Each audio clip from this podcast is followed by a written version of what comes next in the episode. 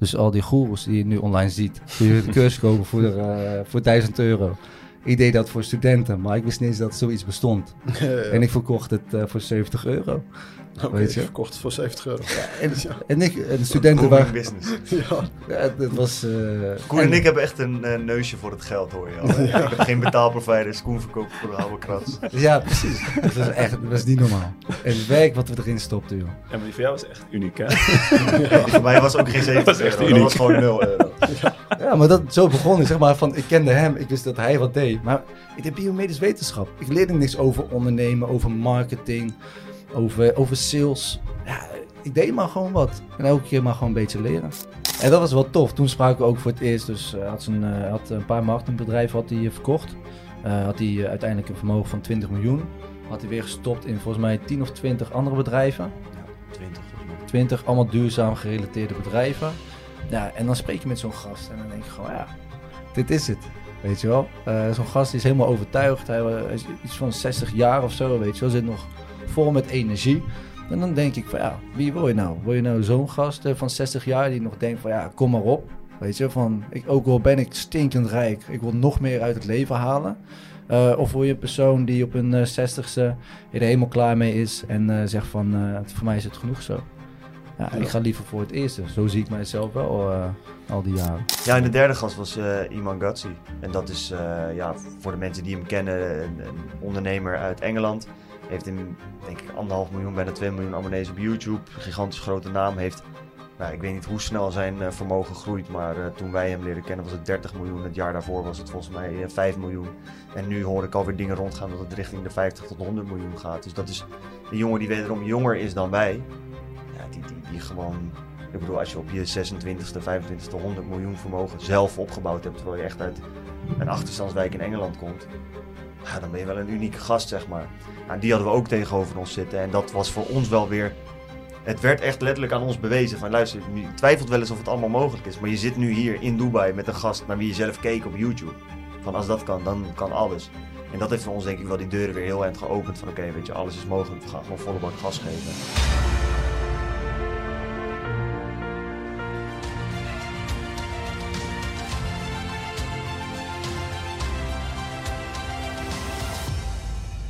Welkom bij een, uh, een nieuwe en boeiende aflevering. Salam alaikum en uh, welkom bij uh, een nieuwe aflevering van de High Frequency podcast. vandaag hebben we twee speciale en bijzondere gasten. Koen en Jaro. Het zijn wel de, enigste, het zijn wel de eerste ne echte Nederlanders. Ja, ja, ja. ja. ja. Kijk eens aan. Dus het is uniek en speciaal. Ja, zeker. Primeurtje. Ja, primeurtje. En uh, zij hebben de allergrootste ondernemingspodcast uh, in Nederland. Dus ik denk voor, vele de, zullen, voor de vele kijkers zullen ze waarschijnlijk ook kennen. En ze komen vandaag dus een uh, unieke verhaal vertellen. En ja, we gaan ja, hun persoonlijke verhaal aanhoren. En we gaan wat leuke onderwerpen bespreken. Dus het is er genoeg om, om jullie hier te hebben. Leuk dat jullie zijn gekomen. Dankjewel. Ja. Dankjewel voor de uitnodiging ook. Overgevlogen vanuit Nederland. Ja man, Ja. zeker. Ja. Door jullie, hè? Ja. Door jullie. Weer auto, alles erop en eraan. Ja. Ja. Zonnetje erbij was ook wel lekker na al het Ja. eh, barren weer in Ja, Nederland. ja, ja. Zo, het sneeuwt nu ook in Nederland. Ja, ik zag een stukje vlees. Ja, Een stukje vlees. voor Koen. Een heerlijk gegeten een lange deze tijd, week. hè? Ja. Het is ook helemaal goed gegaan. Maar daar komen we straks nog op terug, Ja, op het stukje ja, vlees. ja, Ja, ja. Hey, we beginnen altijd met een, eh, een, een standaard vraag. Ik, eh, ik denk dat jullie dat eh, waarschijnlijk ook altijd doen in jullie eigen podcast. nee, Nee. niet? Nee. Nee, eigenlijk niet. Niet? Nee, we gaan Gewoon alle kanten meteen erin? Oké. Ja. Ja. Maar wij doen het dan voor de kijkers die jullie dan niet kennen. Mhm. Maar eh, gewoon, eh, wie zijn jullie? En dan eh, beginnen we met Koen, denk ik, hè? Oké, mijn naam is eh Koen Stam, eh, 26 jaar. Kom uit eh Nieuwegein. Eh, ik ben eh, eigenlijk eh, samen met Jaro nu eh, hebben we de Lotgenoten podcast eh, voor, wat is het, vier jaar. De eerste twee jaar hebben we geen rode cent eraan verdiend. Daarna begon het eindelijk een beetje te lopen. Nou, daar gaan we het zo meteen ook over hebben. Ja. Ehm, daarvoor heb ik een aantal bedrijven gehad en tussendoor ook een beetje. Sommige ook met Jaro, sommige zonder. Ehm, vroeger was ik geen ondernemer, helemaal niet. Ik wou gewoon mijn opleiding doen en vanuit daaruit verder werken. Alleen toch door de jaren heen wat vaak om me heen gaan kijken. En ik dacht van, nou, is dit het? Of is er nog meer? Ja. En die vraag, mezelf deed het afstellen. En op een gegeven moment kwam ik deze jongen tegen. En toen eh, ontdekte ik ook dat er meer was. Ja, dus zo eh, is het eh eerste stap uiteindelijk. eh. Ja, Ja, ja, Ja. ik ben eh Jaro Knoppert, 26 jaar ook. Ik kom uit Utrecht, in de buurt van Nieuwegein.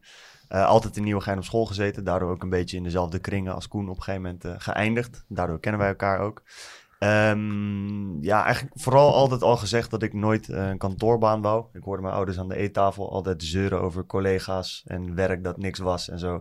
En ik wist niet wat ik dan ging doen, maar ik ging dat sowieso niet doen, want dat leek me helemaal niks. En ehm, ja, over tijd op school was ik eigenlijk, ik kon het wel redelijk aan, dus ik ging steeds ook een niveau omhoog, omdat ik de keuze voor mijn studie niet wou maken. Dus ik deed VMBO en toen dacht ik, ja, ik weet eigenlijk helemaal niet wat ik hierna wilde, dus dan maar HAVO. En de HAVO had ik datzelfde, dus toen ging ik VWO doen. Toen VWO afgemaakt en toen dacht ik, ja, ik heb eigenlijk nog steeds geen idee, dus ik doe maar een tussenjaar. En daar ben ik eigenlijk voor het eerst een beetje begonnen met ondernemen. Eh, mijn eerste eh, onderneming was een kledingmerk, dacht ik.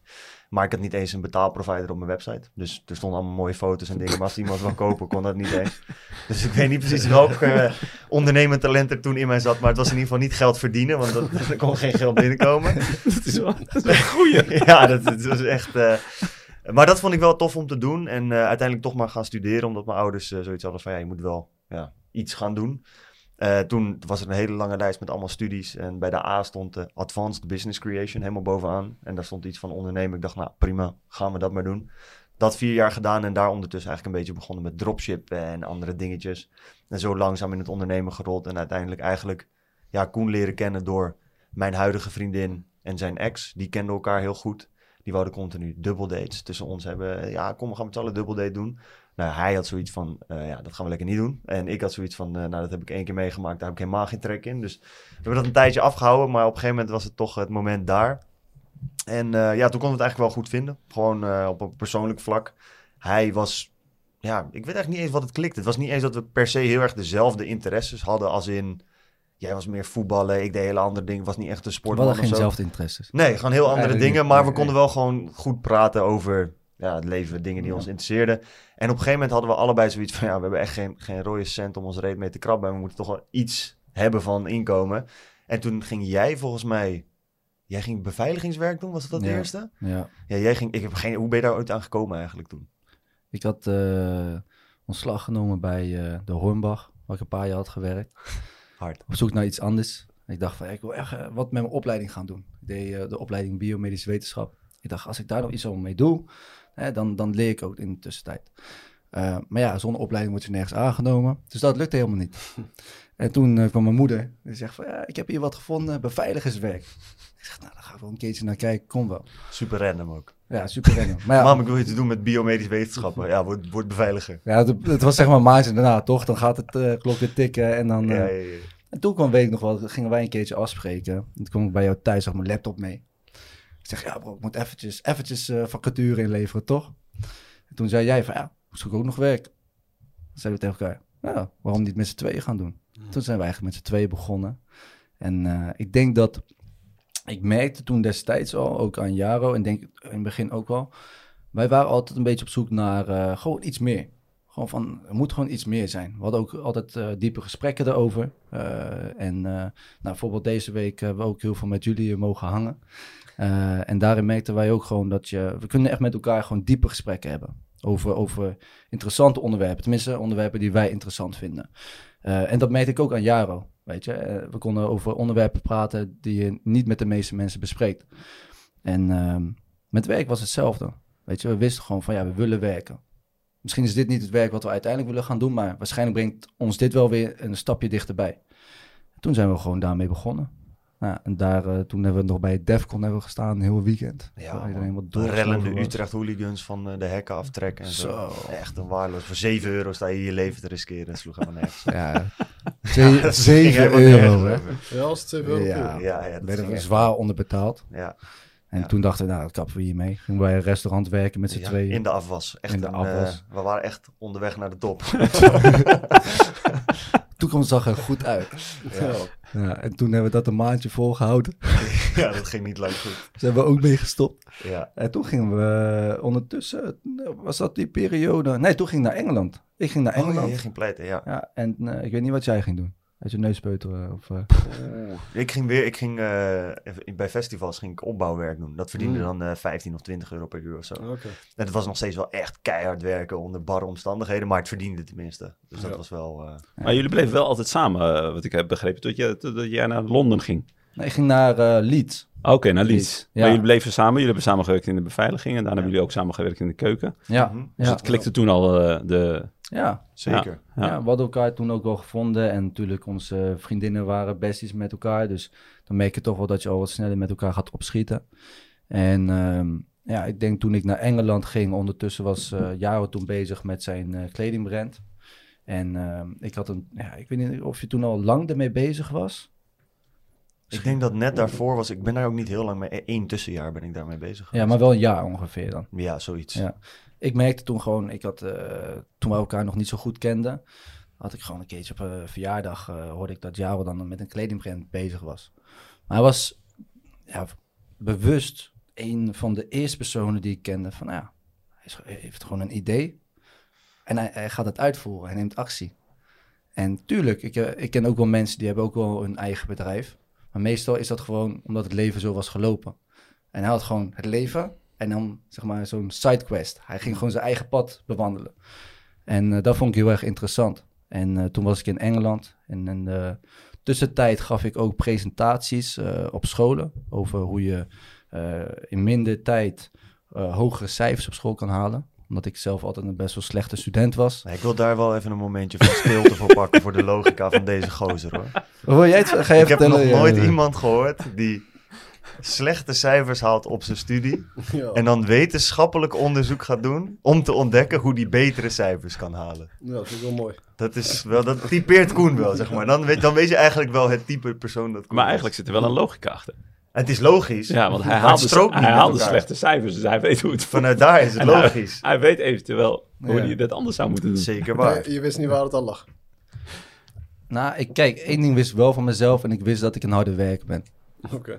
Ja, en daarmee deed ik het altijd. Op de middelbare, op hogeschool, met voetbal, met werken, overal. Van, ik wist gewoon als ik, eh, de, ik stop gewoon genoeg input erop, erin, zodat ik een soort output er ook gaat zijn. Maar het was altijd matig. Helemaal op school dan. En toen dacht ik van ja, luister, eh, ja, het moet gewoon beter kunnen. En met mijn opleiding biomedisch wetenschap, toen moest ik al heel veel leren. Eh, in niet alleen in het Nederlands, moest ook allerlei gekke termen, scheikundige, biologische termen ook allemaal kennen in, eh, in, eh, in het Engels, Latijn. En op een gegeven moment toen dacht ik ook van ja, oké, die wetenschappelijke artikelen moest ik ook steeds vaker gaan lezen. Maar dat ging vaak over DNA, het bloed, eiwitten. En toen dacht ik van ja, luister, ja, als ik zeg maar alles al leer over het lichaam, dan kan ik ook meer leren over brein. En in, waarschijnlijk in het brein kun je ook meer leren over focus, over motivatie, over je geheugen. En geheugen heeft weer te maken met studeren. Ja, zou zou je daar ook wat over kunnen vinden? Ja, toen kom ik erachter dat er al jarenlang heel veel studies zijn gedaan over studeren. eh, en hoe jij dus in minder tijd hoge cijfers kan halen. Of tenminste beter kan presteren. En dat 80% van de studenten de verkeerde strategieën toepassen. En toen dacht ik van ja, oké, nou, laat ik het eens gaan uittesten. En ik ging eigenlijk van 5% herkansen naar niks herkansen. En toen dacht ik, oké, hier zit wat. En wat was de geheime formule? Heel erg simpel. Eh, De meeste mensen die, eh, die gaan studeren en die gaan dan naar een eh, les toe. Gaan ze een keertje kijken, 60 minuten. En dan doen ze niks met de stof die ze hebben ge- gezien voor acht weken. En het is namelijk zo dat als jij een lecture hebt gehad van 60 minuten en je doet er 30 dagen niks mee, dan weet je nog maar 1%. Omdat je je herhaling niet hebt toegepast. Dus herhaling is bijvoorbeeld al heel erg belangrijk. Nou, als je dat combineert met niet iets herlezen, want herlezen is gewoon het herkennen van informatie. Daarmee leer je dat. Ehm, nee, je wilt jezelf confronteren met wat je nog niet weet. Hoe confronteer je jezelf daarmee? Door opdrachten uit te voeren. Als je gaat ondernemen, dan confronteer je jezelf de hele tijd met iets wat je nog niet weet. En daar leer je van. Je leert niet hoe je moet ondernemen door telkens te lezen. Nee, je moet het uitvoeren. Ja. En met studeren werkt eigenlijk simpelweg hetzelfde. Zo werkt het brein nou eenmaal. Maar zo leren we op school niet hoe je moet leren. Ja. Blijven herhalen, dat is eh, denk ik het mak. eh, het, eh, Ja, er zijn, zijn nog een paar andere elementen natuurlijk, maar herhalen en het, echt het uitvoeren zelf op bepaalde manieren, dat werkt wel het meest efficiënt. En dat, daar heb je ook weer alweer ja, bepaalde technieken voor en zo. En toen ben ik dat op een gegeven moment allemaal gaan... allemaal lijstjes van gemaakt, allemaal stappenplannen van gemaakt. En die ben ik op een gegeven moment aan studenten gaan geven. En dat waren gewoon een soort van cursussen. Dus al die goeroes die je nu online ziet, kun je een cursus kopen voor, eh, voor 1000 euro. Ik deed dat voor studenten, maar ik wist niet eens dat zoiets bestond. En ik verkocht het eh, voor 70 euro. Oké, verkocht voor 70 euro. En, en, ik, en de studenten waren... business. ja. Ja, het was... eh, Koen en ik hebben echt een eh, neusje voor het geld, hoor je al. Ik heb geen betaalproviders. Koen verkoopt voor de oude krats. Ja, precies. Het was echt het was niet normaal. En het werk wat we erin stopten, joh. Ja, maar die voor jou was echt uniek, hè? Voor mij was ook geen 70 Dat is echt euro. Dat uniek. was gewoon 0 euro. Ja, maar dat, zo begon ik, zeg maar, van ik kende hem, ik wist dat hij wat deed. Maar ik deed biomedisch wetenschap. Ik leerde niks over ondernemen, over marketing, over, over sales. Ja, ik deed maar gewoon wat. En elke keer maar gewoon een beetje leren. En wat vinden jullie van de, de hedendaagse onderwijs nu op dit moment? Ik bedoel, eh, nu vooral met de AI-ontwikkelingen. Mhm. En, eh, maar niet alleen dat. Ook Mhm. eh, wat je net ook al zei, er worden heel veel dingen worden je niet aangeleerd. Mhm. Ook bijvoorbeeld hoe je creatief kan zijn of hoe je inderdaad een ondernemer kan zijn. Ik bedoel, kijken jullie daarnaar? Ik zou sowieso, als ik AI had gehad in de tijd dat ik student was, heel de boel bij elkaar gefraudeerd hebben. Oh, dus ja, dat ja. staat voorop. dat sowieso. Nu weet je ook Ik wat zou- voor type persoon Jaro is. ja, liever lui dan moe, dat sowieso. Dus dat, eh, dat, dat, ja, ik denk dat dat een heel groot verschil maakt. Al zie je nu volgens mij ook al wel weer programma's die dan kunnen herkennen dat je iets hebt laten maken door AI. Ik zou niet weten hoe dat werkt, maar Ik denk dat je het toch nog wel kan manipuleren op een lijkt me dus ook. Ja, Ja. want je kunt het gewoon uniek maken. Ja, hoe Ja. is dat ooit herkennen? Ja. Dus ik zou dat veel gebruiken. Ja, en ik denk tegelijk wel. Ik, een voorbeeld daarvan, en ik heb meer geluk gehad dan wijsheid. Toen ik op de basisschool zat, werd ik, had, moest ik altijd topografie, hoofdrekenen, dat soort dingen. En ik weet niet waarom. Ik was altijd een beetje recalcitrant. Zei ik gewoon, doe ik niet. Slaat nergens op, hoef ik niet uit mijn hoofd te doen. Mijn ouders hebben thuis een TomTom. Dat wordt sowieso alleen maar beter. Waarom zou ik het in hemelsnaam moeten weten uit mijn hoofd op een kaart kunnen lezen? Slaat nergens op. In die tijd, ja, ik zei dat meer omdat ik een soort van gewoon vervelend wou zijn. Maar achteraf, ja, ik hoef geen rekensom uit mijn hoofd te hebben, want ik heb mijn telefoon altijd bij me. Het Google Maps, rekensom, alles, geschiedenis, dat, je kan het onthouden, maar je hebt er in principe niet heel veel aan. Vergeleken met de skills die je meer leert in het leven, als wat je zegt, sales, communicatie, eh, weet ik veel, dat soort dingen. En ik denk dat AI dat gewoon nog een stap groter maakt. Dat je al die dingen die je moet weten om op te kunnen lepelen, of algemene kennis, ja, wat heb je daar nog aan als je het in een seconde kan opzoeken met ChatGPT of, of een andere AI? Ja, dat is waar. Ja, ik denk met eh, educatie. eh, ik had eh, een boek gelezen, volgens mij was dat van eh, Robert Greene. Een van zijn boeken staat ook eh, eh, van Mastery. Legt hij uit van nou. hij zit achter. Links. ja, die. Ja, die. Eh, in het boek legt hij heel erg mooi uit van nou, weet je wat het is? Eh, nu heb je in het educatiesysteem heb je één docent die in, eh, in het vak wat hij moet lesgeven, ja, daar heeft hij misschien een opleiding voor gedaan, maar in werkelijkheid heeft hij het eh, wellicht nooit uitgevoerd. Die kans is aanzienlijk. Dan gebeurt dat, die, dat is aanzienlijker dan andersom. Eh, moet lesgeven voor eh, vaak 30 kinderen of jongeren. En hij legt dus ook uit, ja, je kan het ook andersom hebben. En dat vind ik veel belangrijker. Wat nou als jij ergens bij iemand komt en je gaat zeven jaar intern met iemand meelopen. En dan ben je bijvoorbeeld 12 jaar, 14 jaar, 16 jaar. Maar je gaat zeven jaar met iemand meelopen. Dan moet je je voorstellen als iemand nu bij jullie meeloopt. In het restaurant, weet je, in de gyms. Ja, die leert zoveel meer over de wereld dan wanneer ze zeven jaar lang alle opleidingen doen. Want weet je wat is de middelbare? Dat is ook iets van vijf, zes jaar of zo. Ja, zoiets. Ja, dan heb je de HBO, heb je universitaire opleiding, heb je een master's de, eh, degree. Ja, dat is bij elkaar zijn mensen soms eh, pas klaar als ze 32 zijn. Ja.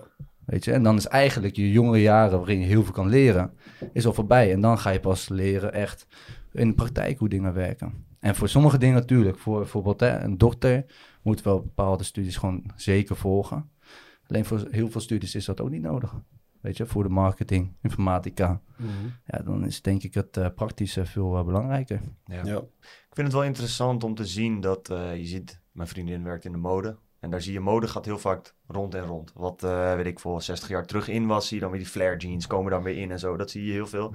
Datzelfde gevoel heb ik ook een beetje dat dat in heel veel dingen in het leven zo is. Want ook als je kijkt naar educatie, wat jij net noemt, zijn eigenlijk gewoon gildes. Gildes waren eh, in de middeleeuwen waren dat normaal. Jij ging eh, bakker worden. En dan ging je als jonge jongen bij een bakker meelopen en dan begon je helemaal onderaan. En dan ging je het gewoon leren door te doen. En dat lijkt nu wel weer, denk ik dat het meer terugkomt. Dat mensen gewoon inzien van ja, als ik alle algemene kennis die ik ervoor nodig heb zo snel kan vinden, nou dan moet ik daar misschien de basis van leren op de basisschool. Dat, hoe zoek ik dingen op en hoe zorg ik dat ik dingen kan ontdekken. Ja, en daarna kies gewoon wat je gaat doen en ga het ervaren en uitvoeren. Ja. Mhm. Waar hebben jullie elkaar weer teruggevonden nadat jij naar eh, Engeland ging en, eh, en hij met zijn eh, Ja, unieke business begon? ik had eh, met zijn unieke business. Ik had Goed doel. weggeefactie. ja man, dat was top. Ehm, ja, ik, ik zat toen in Engeland en ik weet nog wel, eh, toen was ik dus bezig met mijn afstudeerstage. Eh, en moest mijn thesis inleveren en toen deed ik on- onderzoek naar perinaurale netten. Dat zijn dan netjes om je hersencellen heen. En eh, nou, heel kort, die zorgen voor de bescherming van je hersencellen. Maar als je die weghaalt, dan stimuleer je hersencellen om te groeien. Nou, dat, deed ik dus een half jaar onderzoek naar. Dan moest ik eh, van alles schrijven en zo. En dan in de weekenden ging ik eh, in de biep zitten. En ging ik aan mijn bedrijf werken. Aan die presentaties die ik dan gaf. En toen had ik van jou geleerd van nou, weet je, het gaat ook wel handig zijn om concurrentieanalyse te gaan doen. Om te zien wat er al eh, op de markt is in Nederland. En ja, ik werd daar zo enthousiast van. Toen was ik op een gegeven moment klaar met mijn scriptie. Had mijn presentatie gegeven, alles op een raam. Eigenlijk met het doel om eh, vervolgens een master ga- te gaan doen om een neuroscientist te worden. Eh, alleen ik had ondertussen ook een boek gelezen in Engeland. eh, Think and Grow Rich. ja. En in hoofdstuk 2 Napoleon Hill. van Napoleon Yes. Hill inderdaad. En in hoofdstuk 2 heb je zeg maar stappen 1 tot en met 6. Eh, en er staat zo van oké, zet een bedrag neer voor jezelf.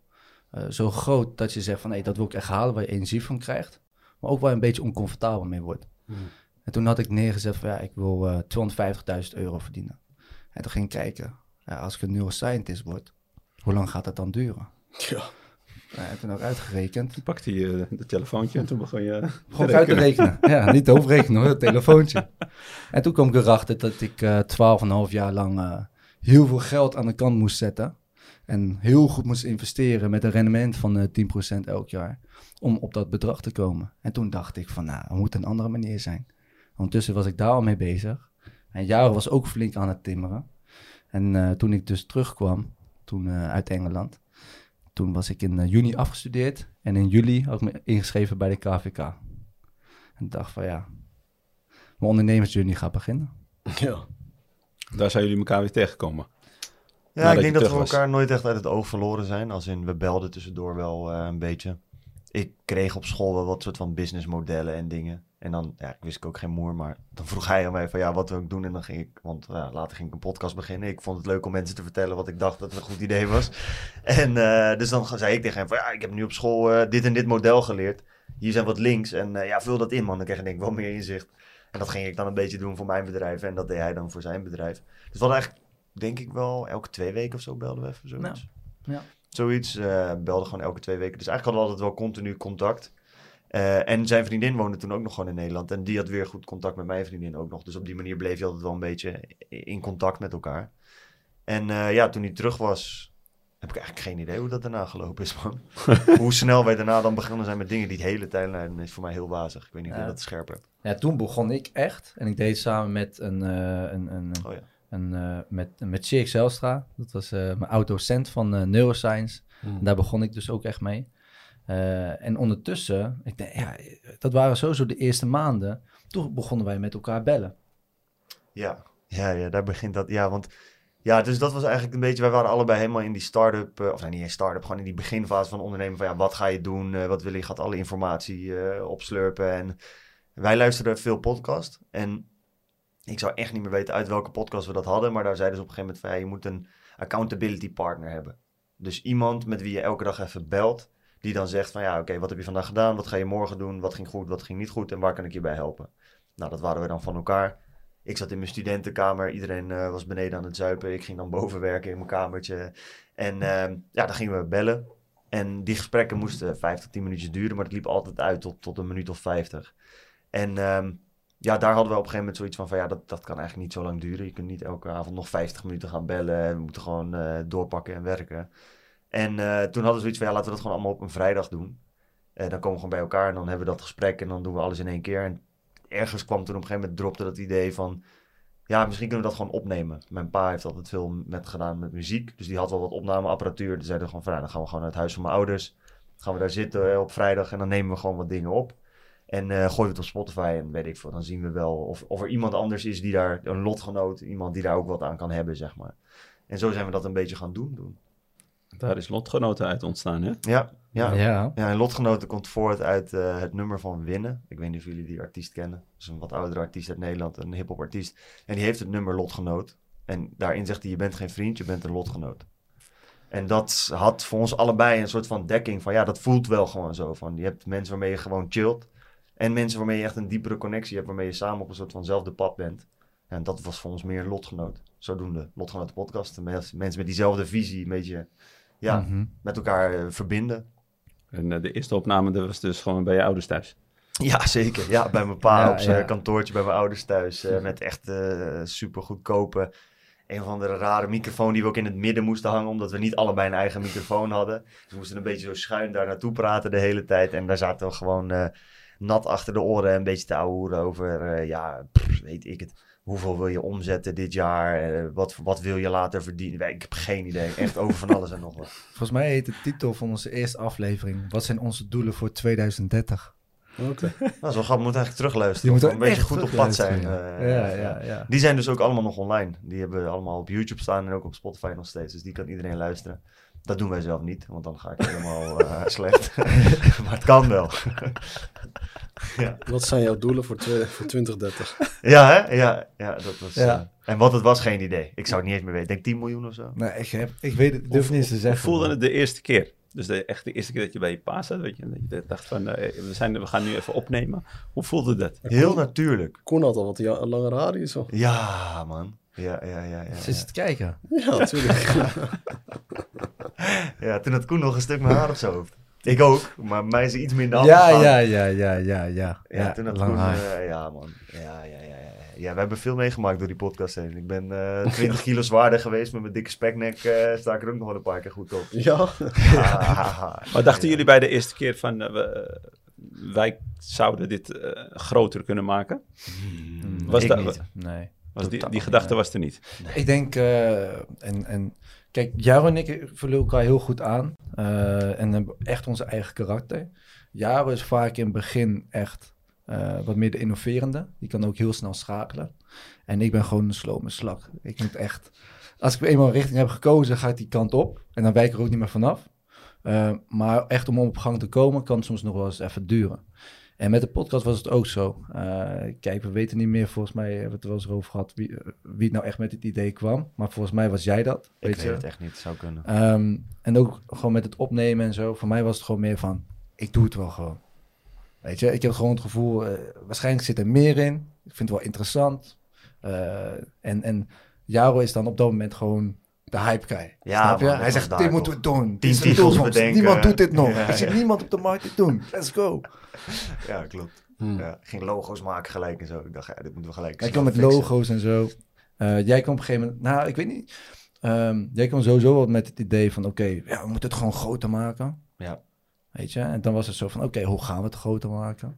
Ja, en daarvoor is het begin was nog belangrijker. Want als je ook op YouTube kijkt, zie je de eerste tien hebben geen beeld. Ja. Dat was omdat de eerste tien hadden we zoiets, dat zei jij dan, dat was dan weer Koen. Ik was altijd van, nee, ik vind dit vet, we gaan dit gewoon doen. En, eh, maar ik kan dan eh, twee weken later zeggen, nee man, laat zitten joh, dit is uh, gaar, dit is allemaal En dan heb je Koen weer nodig. Hij zei, oké, we gaan dit doen, is goed, maar ik ken jou. Dan doen we de tien. Tien weken. En daarna gaan we zeggen, willen we door of niet? Dan zeg ik van, ja, best man, prima. En eh, daarom hebben we de eerste tien gewoon met mijn pa heel erg eh, nog low budgeter dan daarna. Want dat was ook nog steeds niet echt high budget. Maar echt gewoon met alleen dat microfoon ding ertussen. En eh, gewoon eruit pompen, kijken of we het leuk vonden.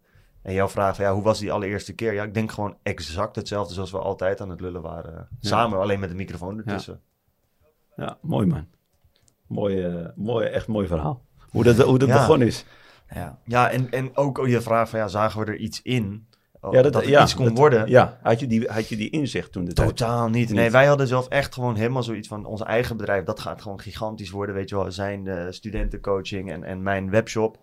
En eh, dit doen we er gewoon bij. En het is, wij hadden heel erg zo'n beeld van ja, iedereen luistert wel naar podcasts van allemaal grote ondernemers. Maar heel vaak hebben ze vaak al 10, 20, soms zelfs 100 miljoen verdiend. En dan is het heel erg achteraf lullen.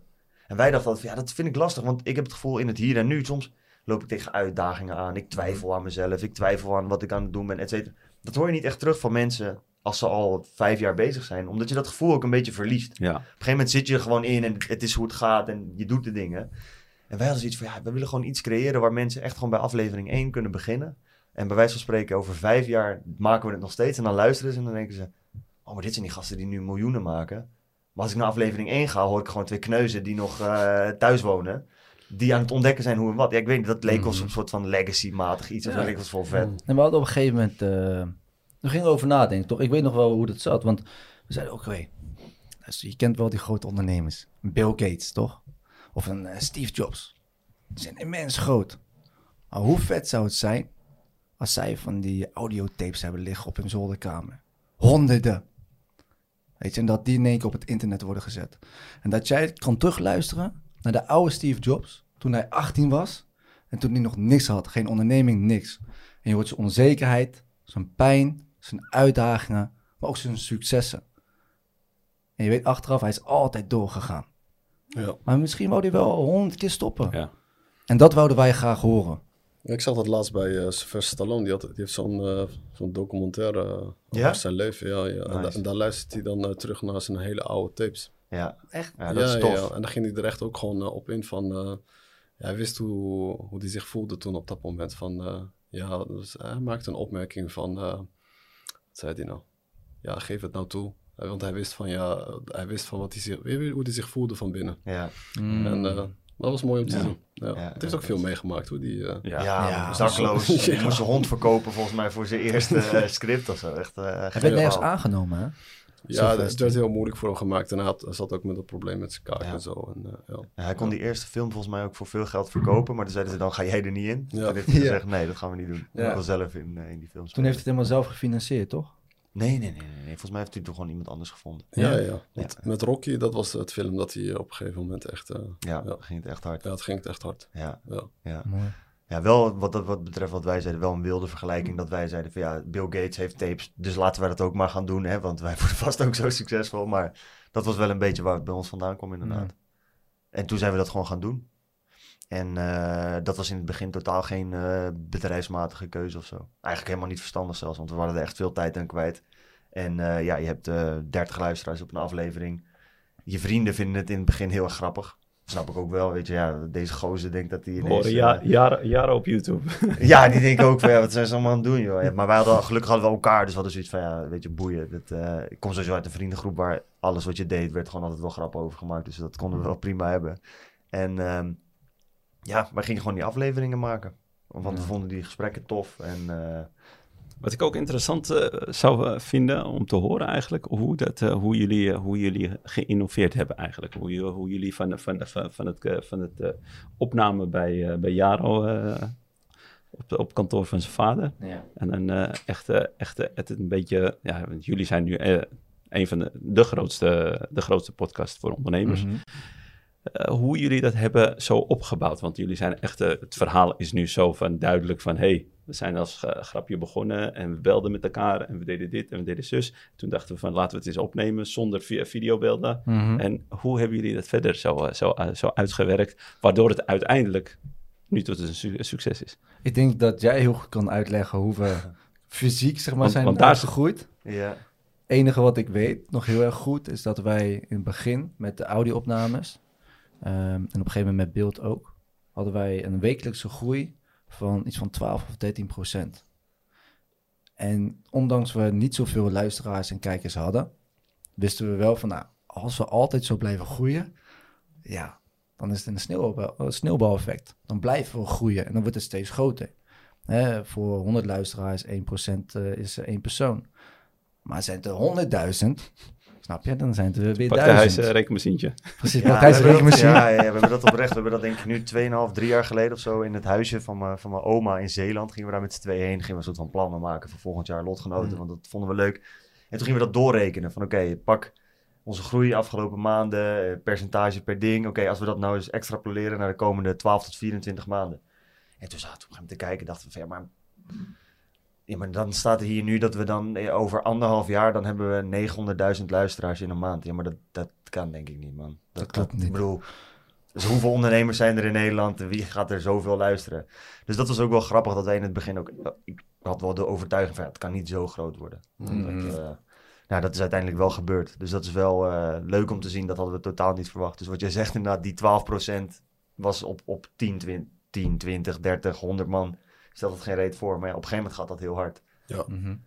En vertel over, eh, over de fysieke groei. Ja, het visuele aspect was... ehm, sowieso vanaf moment 1 vond ik het al allemaal waardeloos. Omdat de audio was niet de kwaliteit die ik wou. Eh, de beeld was niet de kwaliteit. Wij moesten beter. Alles moest beter. Dus ik vond het sowieso helemaal niks. Ik dacht, ik ga het ook aan niemand vertellen. We gaan het gewoon live pushen en dan zien we op een gegeven moment wel. Nou, en toen gingen we dus op een gegeven moment gingen we naar beeld. Maar ik keek naar de Joe Rogan podcast en naar Patrick Bet David. En dat zag ik dan. En dacht ik, ja, dit is wat ik wil. Maar ik heb een iPhone en een eh kleine kantoorruimte en ik heb niet eens lampen. Dus bij ons, nou ja, wat deden we dan? Hadden we op AliExpress hadden we een houder voor de telefoon. Daar konden we in ieder geval filmen. En een appje dat je, weet ik veel, boven een uur kon filmen op je telefoon. Dat hadden we dan gedownload. Nou, dat was eh, 30 euro investering of zo. En eh, we hadden wat microfoons gekocht. Die hadden we dan wel zelf gehaald met wat advies van mijn pa. Dus dat was denk ik ook nog 200 euro of zo. Nou, dat allemaal neergezet. En hadden we een kast en een beetje ingedeeld. Dat zie je ook allemaal in aflevering 11 van de Lotgenoten podcast. Zitten we daar voor het eerst in die setting. Nou, als buiten de, de wolken dicht trokken, dan was het ineens pikdonker in de set en zo. Dus het ging helemaal nergens over. Alleen ja, het was toen, ja, we hadden gewoon ook geen geld om in meer te investeren. Laat staan dat het logisch was, want we hadden zoiets van, ja, we kunnen hier wel meer geld stoppen. Maar er is geen verdienmodel, niks. Dus het is echt hobbymatig. Nou, dat hebben we denk ik echt een jaar lang gedaan of zo op die manier. Mhm. Een halfjaartje en toen hadden we weer wat gespaard. Hebben we voor 200 euro wat lampen gekocht. Omdat we wel zoiets hadden van, ja, we moeten op zijn minst wel gaan hebben dat het licht goed genoeg is. Dat die camerabeelden er een beetje oké uitzien. En eh, toen kreeg jij op een gegeven moment de nieuwste iPhone weer. Mhm. Dus dan hadden we weer een, een nieuwere iPhone om weer te filmen. Dus toen werd dat weer ietsjes beter. En ehm, ik denk dat wij pas in 2021 op de helft. Dus toen waren we een jaar of twee bezig, denk ik. Hmm. Dus we gingen eerst verhuizen nog.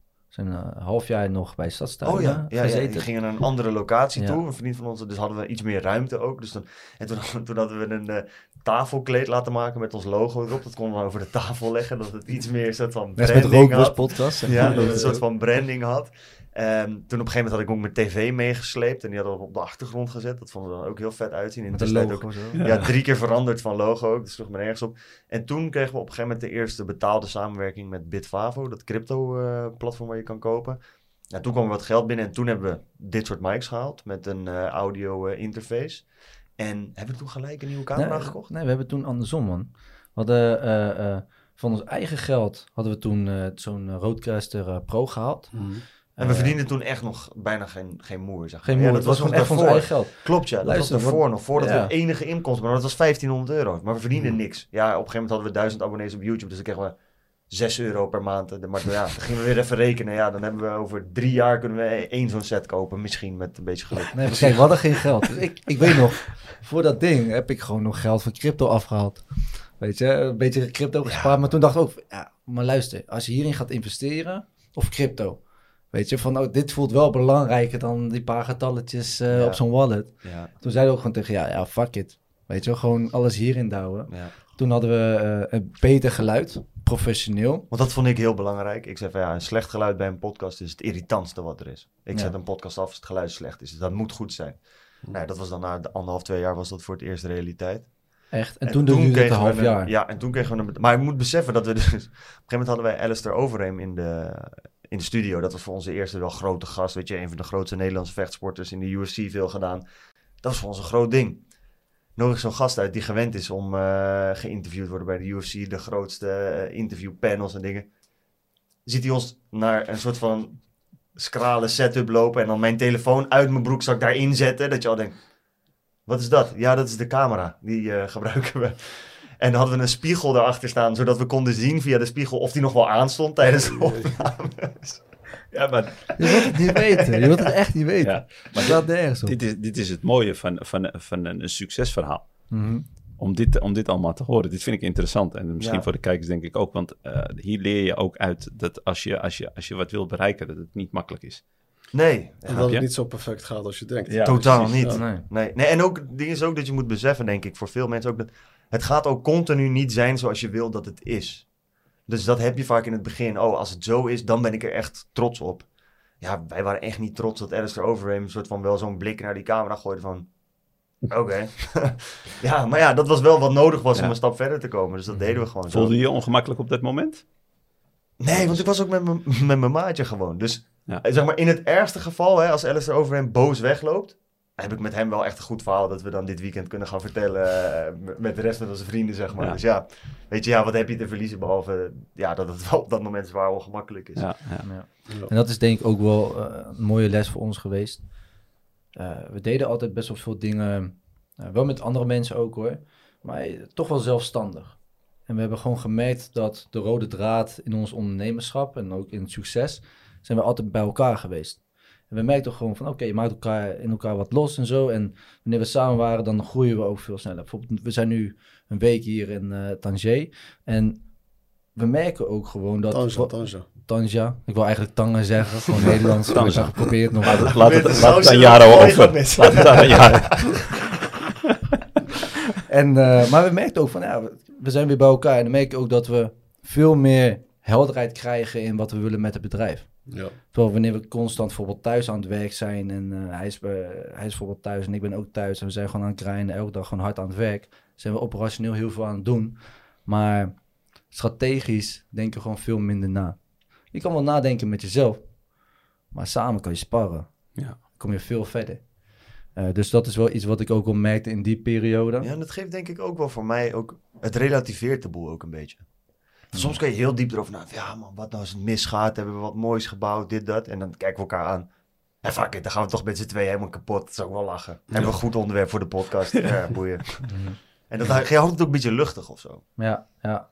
Ja, maar ook, we hadden, we hadden de podcast twee jaar. Mhm. Ons doel, we hadden op papiertje geschreven en dan opgehangen in het kantoor. Wat ons doel was. Slaat nergens op, hè? Eh, 400 euro verdienen per maand. 400 euro. Met de podcast, hè? Oké. Hobby, het was een hobby. Maar 400 Ja, maar- euro, Want? met reden dat we een video-editor konden inhuren. Oké. Die dan het werk voor ons kon doen, zodat hij niet hoefde te editen. Ja, want dat was voor de duidelijkheid ook. Dat deden we allemaal zelf. Dus ik Ja, moest maar- de hele podcast kijken, editen, dingen ervoor, de korte clipjes eruit halen, een thumbnail designen, het zetten in, in YouTube, in de audio dingen, alles. Dat was veel werk, man. Het was eh, zeven, acht uur per week waren we daar minimaal mee bezig met de opnames en alles regelen. En toen hadden we het echt efficiënt gedaan. Hè? In het begin wa- was het, kostte 30 uur per persoon. We hebben we helemaal teruggetrokken naar 7 uur per persoon. Ja, want wij, wist, wij wisten ook helemaal niks. Ik wist geen reden. Ik had alleen op een gegeven moment een beetje ging video editen, want dat vond ik leuk. En ik had het programma via school, kon ik dat regelen. Maar ik edite hele korte video's wel voor schoolproject of zo op een krakkemikkige Lenovo laptop. Toen gingen wij opnemen, zetten we alles erin. Ik zeg, oké, top man, even exporteren, morgen kan die live. Druk op export. De hoeveel tijd het nog ging duren? 48 uur. 48 uur voor het exporteren van één podcast van 30 minuten. Ja, oké, nieuw probleem. Hiermee kunnen we geen podcast maken, want die laptop kan het blijkbaar niet aan. Oh, die laptop. En zo kwamen ja, de hele tijd dingen tegen. Want ook Mhm. die lampen, kijk, jullie hebben het hier nu goed staan en alle belichting is goed. Maar die jongens die hier al die camera's ingesteld hebben, hebben daar toch behoorlijk wat kennis voor nodig. Je denkt, ja, gooi het aan, het gaat wel goed. Nou, dat deden wij in het begin. Was iemand helemaal overbelicht, zag je een witte alien zitten in het. Het ging allemaal mis. Ja, ja. En dat moest je allemaal gaan uitvogelen en doen en zo. Dus dat was echt kostte veel te veel tijd. ja er Eigenlijk zit, wel, ja. eh, zit veel werk achter. Ja. Ja, man. Ja. Ja. Ja, ja, En dan kom je ga- gaandeweg achter. En toen gingen we dus op een gegeven moment camera's kopen. Ja. En dat was ook weer een heel avontuur. Dan hadden we een, camera gekocht. En blijkbaar kunnen niet alle camera's oneindig opnemen tot gewoon de, de memory card vol is. Dus dan zaten we met een gast erin en na 30 minuten viel de camera uit. En dan eh, ging de gast weg en dan eh, zei ik tegen Koen, ja Koen, ik heb even gekeken. Ik zeg, ik zeg het maar niet met de gast erbij. Maar die hele camera is eh, kapot. Die eh, heeft niks opgenomen. Misschien 30 minuutjes. Oh jee. We dachten dat hij kapot was. Oh jee. Oh, je dacht dat hij kapot was. Ja, maar het bleek gewoon altijd standaard te zijn. We dachten, ro- rond precies bij 30 minuten is hij gestopt, Ja, toch? man. Allebei de waarom zijn ze kapot of zo?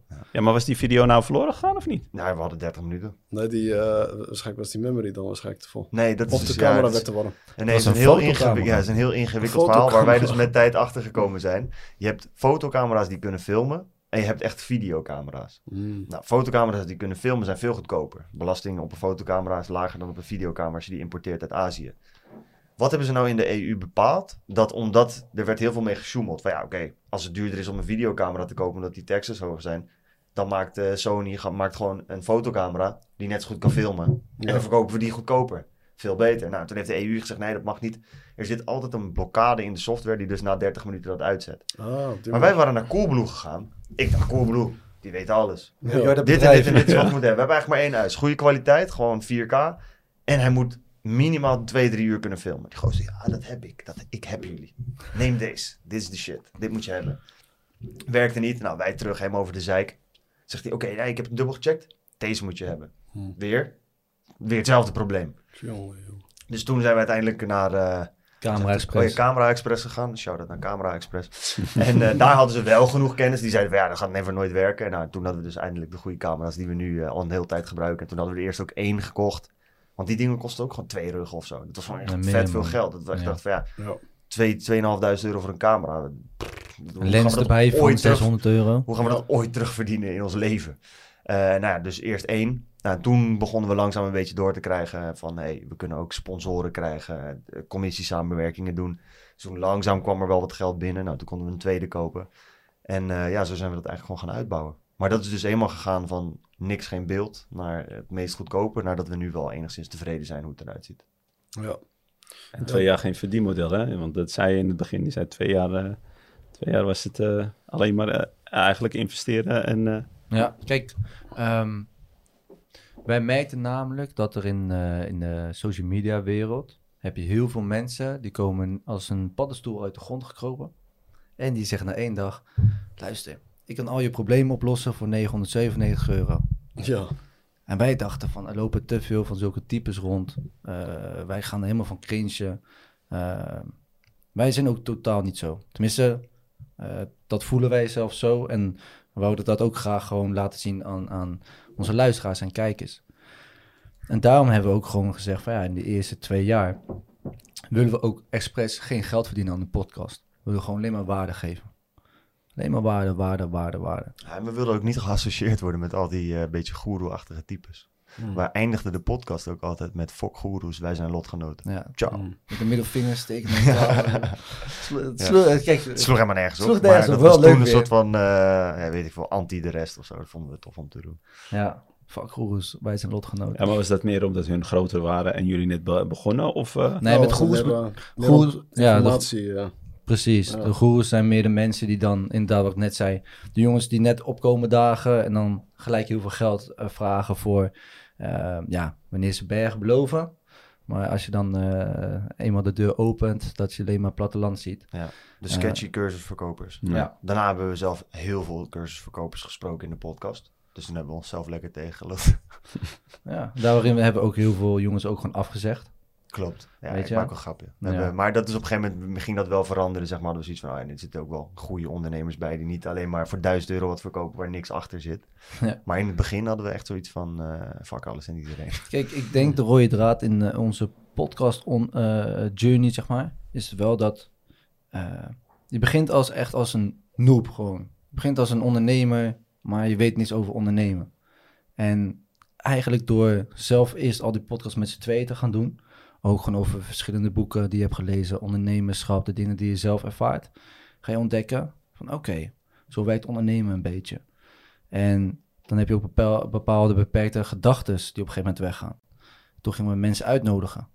Oké, die komt dan langs. Hey, voor het eerst dat je een miljonair spreekt. Voor het eerst dat je een coach spreekt. Of zo'n coach. Ik dacht altijd gewoon van ja, hoezo zou je zoveel geld ervoor vragen? Nou, dan kom je erachter. Oké, eh, weet je wat het is? Je kan ook veel meer mee verdienen. Dus daarom vragen ze ook meer geld ervoor. Weet je, dat is een belemmerende gedachte die ik bij mezelf had. Die je dan op zo'n moment ook weer een plekje kan geven. En ik denk dat we door de podcast zoveel mensen hebben kunnen spreken. Dat ook steeds meer van die gedachten, die jou zelf blokkeren in het je ondernemerschap. eh, langzaam kan wegvagen. En dat heeft ons eh, ook gewoon geholpen. Weet je, want dan kan je, daarna heb je weer een weekje waarin je lekker hard mag werken. En dan krijg je wel weer die motivatie dat je weet van oké, er zit meer in. En ik weet niet, en dat vind ik best wel lastig, van als we die podcast helemaal niet hadden. Het heeft in het begin veel tijd gekost. Maar op een gegeven moment heeft het ook eh, ons meegetrokken. Ook in onze a- andere bedrijven. Van ja, wat er allemaal mogelijk is. En dat je niet moet stoppen. En dat, Ja. eh, dat de sky the limit is. Ja, klopt. En eh, hoe kwamen jullie dan op een gegeven moment in een fase waar jullie dachten van oké, dat gaat nu heel erg goed en eh, er beginnen wat inkomsten te komen. En we kunnen dit echt eh, ja, fulltime eh, gaan doen. Van, Ja. Wanneer was dat moment? Dat was het moment dat... ehm, toen hadden we op eh, één dag hadden we twee opnames. Dat was op een vrijdag. En de eerste opname hadden we met eh Cherry Stocking. Dit was in 2022, denk ik, toch? Mm, nu een jaar geleden. Ja, 2022. Ja. En ehm, met Jerry Stocking. En eh, daar hadden we een podcast mee. En die- daar vertelde ook aan hem wat we allemaal aan het doen waren. Hè, we waren met een agency bezig, een YouTube agency. Om andere bedrijven te helpen om meer klanten te krijgen op YouTube. Eh, met de podcast zelf waren we bezig. Jij was fulltime nog aan het werk. Eh, we zaten na te denken om misschien een paar producten te lanceren.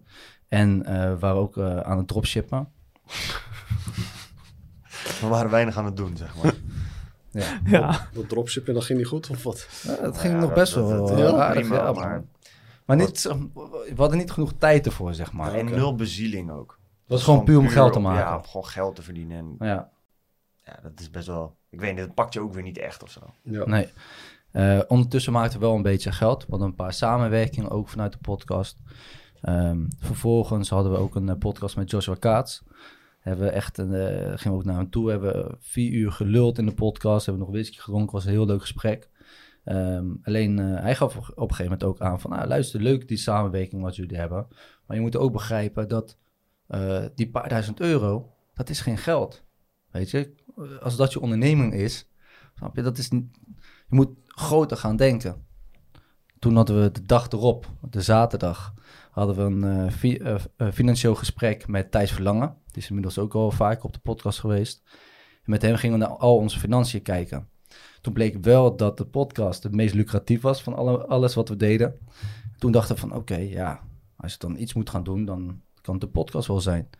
Eh, en toen die zondag hadden we een eh, barbecue bij, bij eh, Maurice Weber.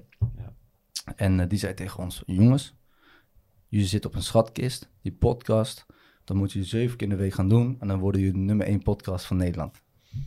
En we zeiden toch van, wat gebeurt er allemaal, weet je wel? Ja, Dit zijn al zoveel dat signalen. ook, hè? We gingen steeds wat succesvolle ondernemers spreken. En die zeiden de hele tijd tegen ons van... Ja, die podcast, dat is echt een goudmijn. Ik, dat, ja, we Ja, hoorden wij het hadden- heel vaak. Wij hadden echt zoiets van, ja, oké, leuk, maar we verdienen er geen euro mee. Het is een soort van irritant. Iedereen zegt tegen je, wat jij doet, dat is echt waardevol, man. Daar ga je veel geld mee verdienen. En zelf voel je je een beetje een sukkel. Dat je denkt van, ja, blijkbaar ziet iedereen het, maar wij verdienen er geen moer mee. Dus Mhm. waarschijnlijk zijn wij volledig eh debiel. Ja, en ik weet nog wel dat, dat we dus ook... eh, eh, daarna hadden we nog een belgesprek met Thierry. En die zei toen ook wel van... Luister, als jullie... eh, weet je, ik kan jullie helpen. eh, maar dan moeten jullie wel één van de dingen gaan kiezen... wat jullie allemaal doen. En toen zeiden wij... ja, is goed, dan kiezen we voor de agency... eh, en de podcast, want met, want met de podcast kunnen we niet stoppen. Toen zei hij, dat gaan we niet doen, vriend. Zo, werkt van de podcast niet. zit overal standaard bij. En toen keken we elkaar aan en zei- eh, zeiden we ook tegen elkaar... we zitten elkaar gewoon echt te bullshitten met dit gedoe. We moeten gewoon nu echt gaan kiezen. En eh, toen ben jij eigenlijk gaan kijken met je werk... dat je daarmee kon gaan stoppen. Ja, Dat was toen die rond Ja. oktober. Ja, ja. En volgens mij had jij de beslissing genomen om te gaan stoppen met werk. En eh, toen werden we binnen no time... alsof het universum het had Stond al gezegd... zo, stond al zo. Dat stond al eh, Stond dat toen al? Ja. Ja? Ja. Oké, nou tenminste. eh, toen werden we uitgenodigd om naar Dubai te gaan. En dat was een soort van de aftrap in oktober 2022 om eh, ja, een soort van een nieuw avontuur te beginnen. Ja, en hoe was dat? Ja, d- voor mij, zeker met stoppen met werk, voelde het heel spannend. Ik had denk ik drie maanden loon of zo wat ik opgespaard. Of in ieder geval het minimale wat ik nodig had. En ehm, ik was ook net gaan samenwonen met mijn vriendin en zo. Dus, en die kwam ook wel uit een wat lastigere situatie. Dus ik had ook zoiets van, ja, ik vind het ook vervelend als ik dan... Zij komt uit best wel veel chaos. En dan heeft ze eindelijk een plek van rust gecreëerd. En dan zeg ik, hé, hey, zin in meer chaos. dus dat vond ik ook een beetje dat ik dacht van, ja, ik moet dat wel echt met een goed plan doen. Vond het heel spannend. Daarna zijn we dat gaan doen. En eigenlijk daarna is alles alleen maar eh, geplust. Maand op maand hebben we geen, eh, geen moment spijt van gehad. Ja. Dus ja, voor iedereen die twijfelt of die moet stoppen met zijn baan. Ja, spaar twee maanden en eh, En Fuck it. Ja. En hoe was het in eh, Dubai? Wat was Ja, jullie ervaring? Goede ervaring. Ehm, ik denk Dubai is eh, voor mij persoonlijk, ik denk dat jou dat ook wel deelt. Eh, ik zou er niet heen gaan op vakantie. Nope. Eh, voor zakenreis, als je daar een bepaalde connecties wil opdoen, dan kan dat heel erg handig zijn. Ja. Omdat er eh, aardig slimme jongens ook rondlopen. ja. Ehm, we hebben daar de mogelijkheid gekregen om met eh, drie jongens eh, te mogen spreken voor de podcast. eh, met Crypto Rover. Die heeft ons heel veel kunnen vertellen over crypto. Maar ook gewoon over de, de mindset van Dubai. Hij komt ook uit Nieuwegein. Ja, en hij is jonger dan ons. Hij werkte in de McDonald's. Bij Blokhoeven. Waar wij vaak lang, zeg maar, langs Ja, zijn gegaan zeg maar, Ja, om te eten. Dus dat was wel grappig om te zien. Hij is zeg maar jonger. Maar hij heeft vroegtijdig de keuze gemaakt om naar Dubai te gaan. Mm. En hij, heeft, gewoon- hij is gewoon als een raket gegaan. Ja, gewoon multimiljonair, maar 23 jaar en echt gewoon eh, de Ja. wereld lag aan zijn voeten. Ja. En toen ehm, hebben- zijn we ook naar eh, eh, Robin. Robin, Robin geweest, Ubachs. Robin Ubachs. Ja. Naar eh, zijn Bitcoin Mansion. Ook weer een jongen van onze leeftijd die daar al een paar jaar woont en weet ik, miljoenen verdient met de meest bizarre zaken en alles wat hij doet. Dus nou, je wordt best wel snel even geconfronteerd. Wij spraken natuurlijk wel mensen die succesvol waren, maar daar spreek je echt ineens mensen die gewoon multi-multimiljonair zijn en jouw leeftijd of jonger. Ja, dat was voor ons wel een moment van, oké, ja, we, we lopen weer onszelf de bullshit. Weet je wel, van ja, we moeten, we moeten gewoon nog harder. Ja, ik, ik weet wat je bedoelt hè, als, je dat, als je dit zegt. Ja, ja, Ja, ja. ja, je, tuurlijk. Weet je, je bent weer... Het zijn gewoon die beperkende factoren. Weet je, je denkt, oh ja, een podcast, hoeveel geld kan je daarmee verdienen? Nou, uiteindelijk blijkt eh, duizenden en duizenden euro's. Als je dat vanaf moment één met die mindset erin was gegaan, was je waarschijnlijk veel sneller, veel verder geweest dan dat je moet ontdekken, oh, dit kan echt. Oh, maar geloof ik dat ik het dan ook kan? Oh ja, hij lijkt eigenlijk wel op mij. Oh, dan kan ik het misschien ook wel. Nou ja, dan moet je dat drie keer zien. Oké, nee, ik denk dat ik het echt wel kan. Oké, wat ga ik dan... Dat duurt allemaal lang. Veel te veel twijfel. Terwijl, ja, ik denk dat het een goede skill is. Ondernemers die ik op een jonge leeftijd heel hard zie gaan, zijn mensen die gewoon zeggen... Oh, hij heeft dat? Oh, dat kan ik ook. En dan gewoon volle bak gaan uitvoeren. Mhm. Maar, maar heb, je dat, heb je dat niet dan van eh, dat je inderdaad zulke jonge ondernemers spreekt die dan inderdaad heel veel geld hebben verdiend? Of eh, succesvol zijn geworden in een bepaald project? Dat je Mhm. denkt van, eh, volgens mij eh, ben ik dan echt verkeerd bezig. Maar pusht dat jou dan niet om te zeggen van oké, ik, ik moet nu echt actie gaan ondernemen, want ik zie dat het wel echt gewoon kan. Ja. Want ik, ik bedoel, als je vele, vele ondernemers spreekt die dan echt heel succesvol zijn. Ja, dan, soms hebben wij altijd zo'n bepaald beeld voordat je zo iemand leert kennen. Maar ik bedoel, op het moment dat je dan met hem in gesprek gaat en dan, ja, je begint hem echt eh, een beetje beter te leren kennen. Dan denk je van, eh, hmm, dat het is niet zo eh, Het is wat ook ik had gedacht. mens. Ja, het is ook Ja. maar een mens. Ja. Ja, weet je? Ja. En daar komen we in één keer achter inderdaad. Van, ja, vroeger was het altijd hè, de miljonairs die dan in drie stappen vertellen hoe ze miljonair zijn geworden. ja, ja. en nu denken we wel van, nou, nu spreek je zo'n miljonair. En dan, hè, je gaat ook wat meer met ze hangen en zo. En dan kom je erachter, hé, hey, hij komt gewoon uit Nieuwegein. Hij heeft bij de Mac gewerkt. ja. Toen ik bij de Hornbach werkte. In dezelfde periode. En nu staat hij hier en ik sta hier. Ja. En ik denk wel natuurlijk, kijk, het, eh, of, je nou, of wij nou vier jaar geleden waren begonnen met crypto. Of vier jaar geleden waren begonnen met een podcast. Alleen al die keuze kan een heel groot verschil maken in waar je nu staat. ja. Het ligt ook een beetje aan wat voor persoon je bent. Ehm, ik zeg niet per se dat als je met crypto was begonnen, dat je dan eh, gelijk miljonair bent of zo. Het zal ook wel verkeerd zijn gegaan met sommige me- mensen meeste. waarschijnlijk. 100. Bij Ja. de meeste. Ja. Daar hebben jullie ook waarschijnlijk wel de verhalen me- van meegekregen, waarschijnlijk Ook, daar in Dubai. Ook. Ook. Oh, Ja, Ja, want de, succes, de succesvolle, die zullen wel de verhalen kennen van de niet succesvolle Ook, waarschijnlijk. Ja. zeker. Ja. Ja. Ja, jullie hadden laatst eh, dingen. eh, Amir, uh, Ja. Ja. Die, had, eh, die, die had met crypto had hij volgens mij eh, heel veel geld, ja, die had geld gewonnen of eh, Ja, geld dit verdiend. Ja, en op man. een gegeven moment was het ook weer verdwenen. En, Ja. Zeker. Die had 100.000 euro. 2017. Ja. Ja. Alles gemaakt. Of ja, alles gemaakt. Voor 100.000 euro gemaakt op jonge leeftijd. En had alles weer verloren. Ja, ja. precies. En vertel nog even onze derde gast. Hoe dat is Ja, en de derde gast was eh, Iman Gatsi. En dat is, eh, ja, voor de mensen die hem kennen, een, een ondernemer uit Engeland. Heeft in, denk ik, anderhalf miljoen, bijna 2 miljoen abonnees op YouTube. Gigantisch grote naam. Heeft, nou, ik weet niet hoe snel zijn eh, vermogen groeit. Maar eh, toen wij hem leren kennen was het 30 miljoen. Het jaar daarvoor was het volgens mij eh, 5 miljoen. En nu hoor ik alweer dingen rondgaan dat het richting de 50 tot 100 miljoen gaat. Dus dat is een jongen die wederom jonger is dan wij. Ja, die, die, die gewoon ik bedoel, als je op je 26e, 25e 100 miljoen vermogen zelf opgebouwd hebt, terwijl je echt uit een achterstandswijk in Engeland komt, dan ben je wel een unieke gast, zeg maar. Ja, die hadden we ook tegenover ons zitten. En dat was voor ons wel weer. Het werd echt letterlijk aan ons bewezen van luister, je twijfelt wel eens of het allemaal mogelijk is. Maar je zit nu hier in Dubai met een gast naar wie je zelf keek op YouTube. Van als dat kan, dan kan alles. En dat heeft voor ons denk ik wel die deuren weer heel eind geopend. Van oké, weet je, alles is mogelijk. We gaan gewoon volle bak gas geven. En dat zijn we eigenlijk dat laatste staartje van 2022 gaan doen. En heel dit jaar. En eh, ja, daardoor is alles wat we deden, de aantal weergaven, het inkomen dat we hebben, is allemaal keer 10 gegaan. Nou ja, en dat hebben we nu voor volgend jaar weer als doel. Van nee, we willen gewoon alles weer keer 10. Ja, en dan ga je toch echt wel naar een miljoenenbedrijf kijken. En eh, ja, dan zie je toch dat al die dingen wel mogelijk zijn.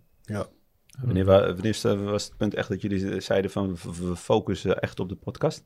Dubai. Dubai. Ja, oktober Dubai was 2023. eh, echt de grens. Oké.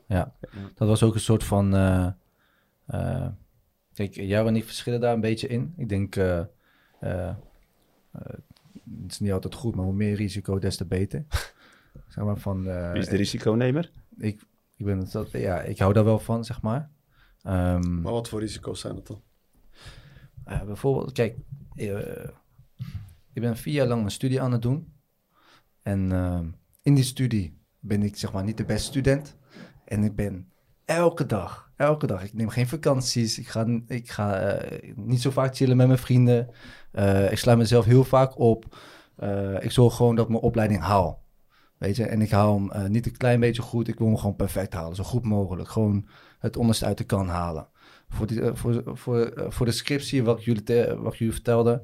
ehm, daarvoor heb ik net een schouderblessure gekregen.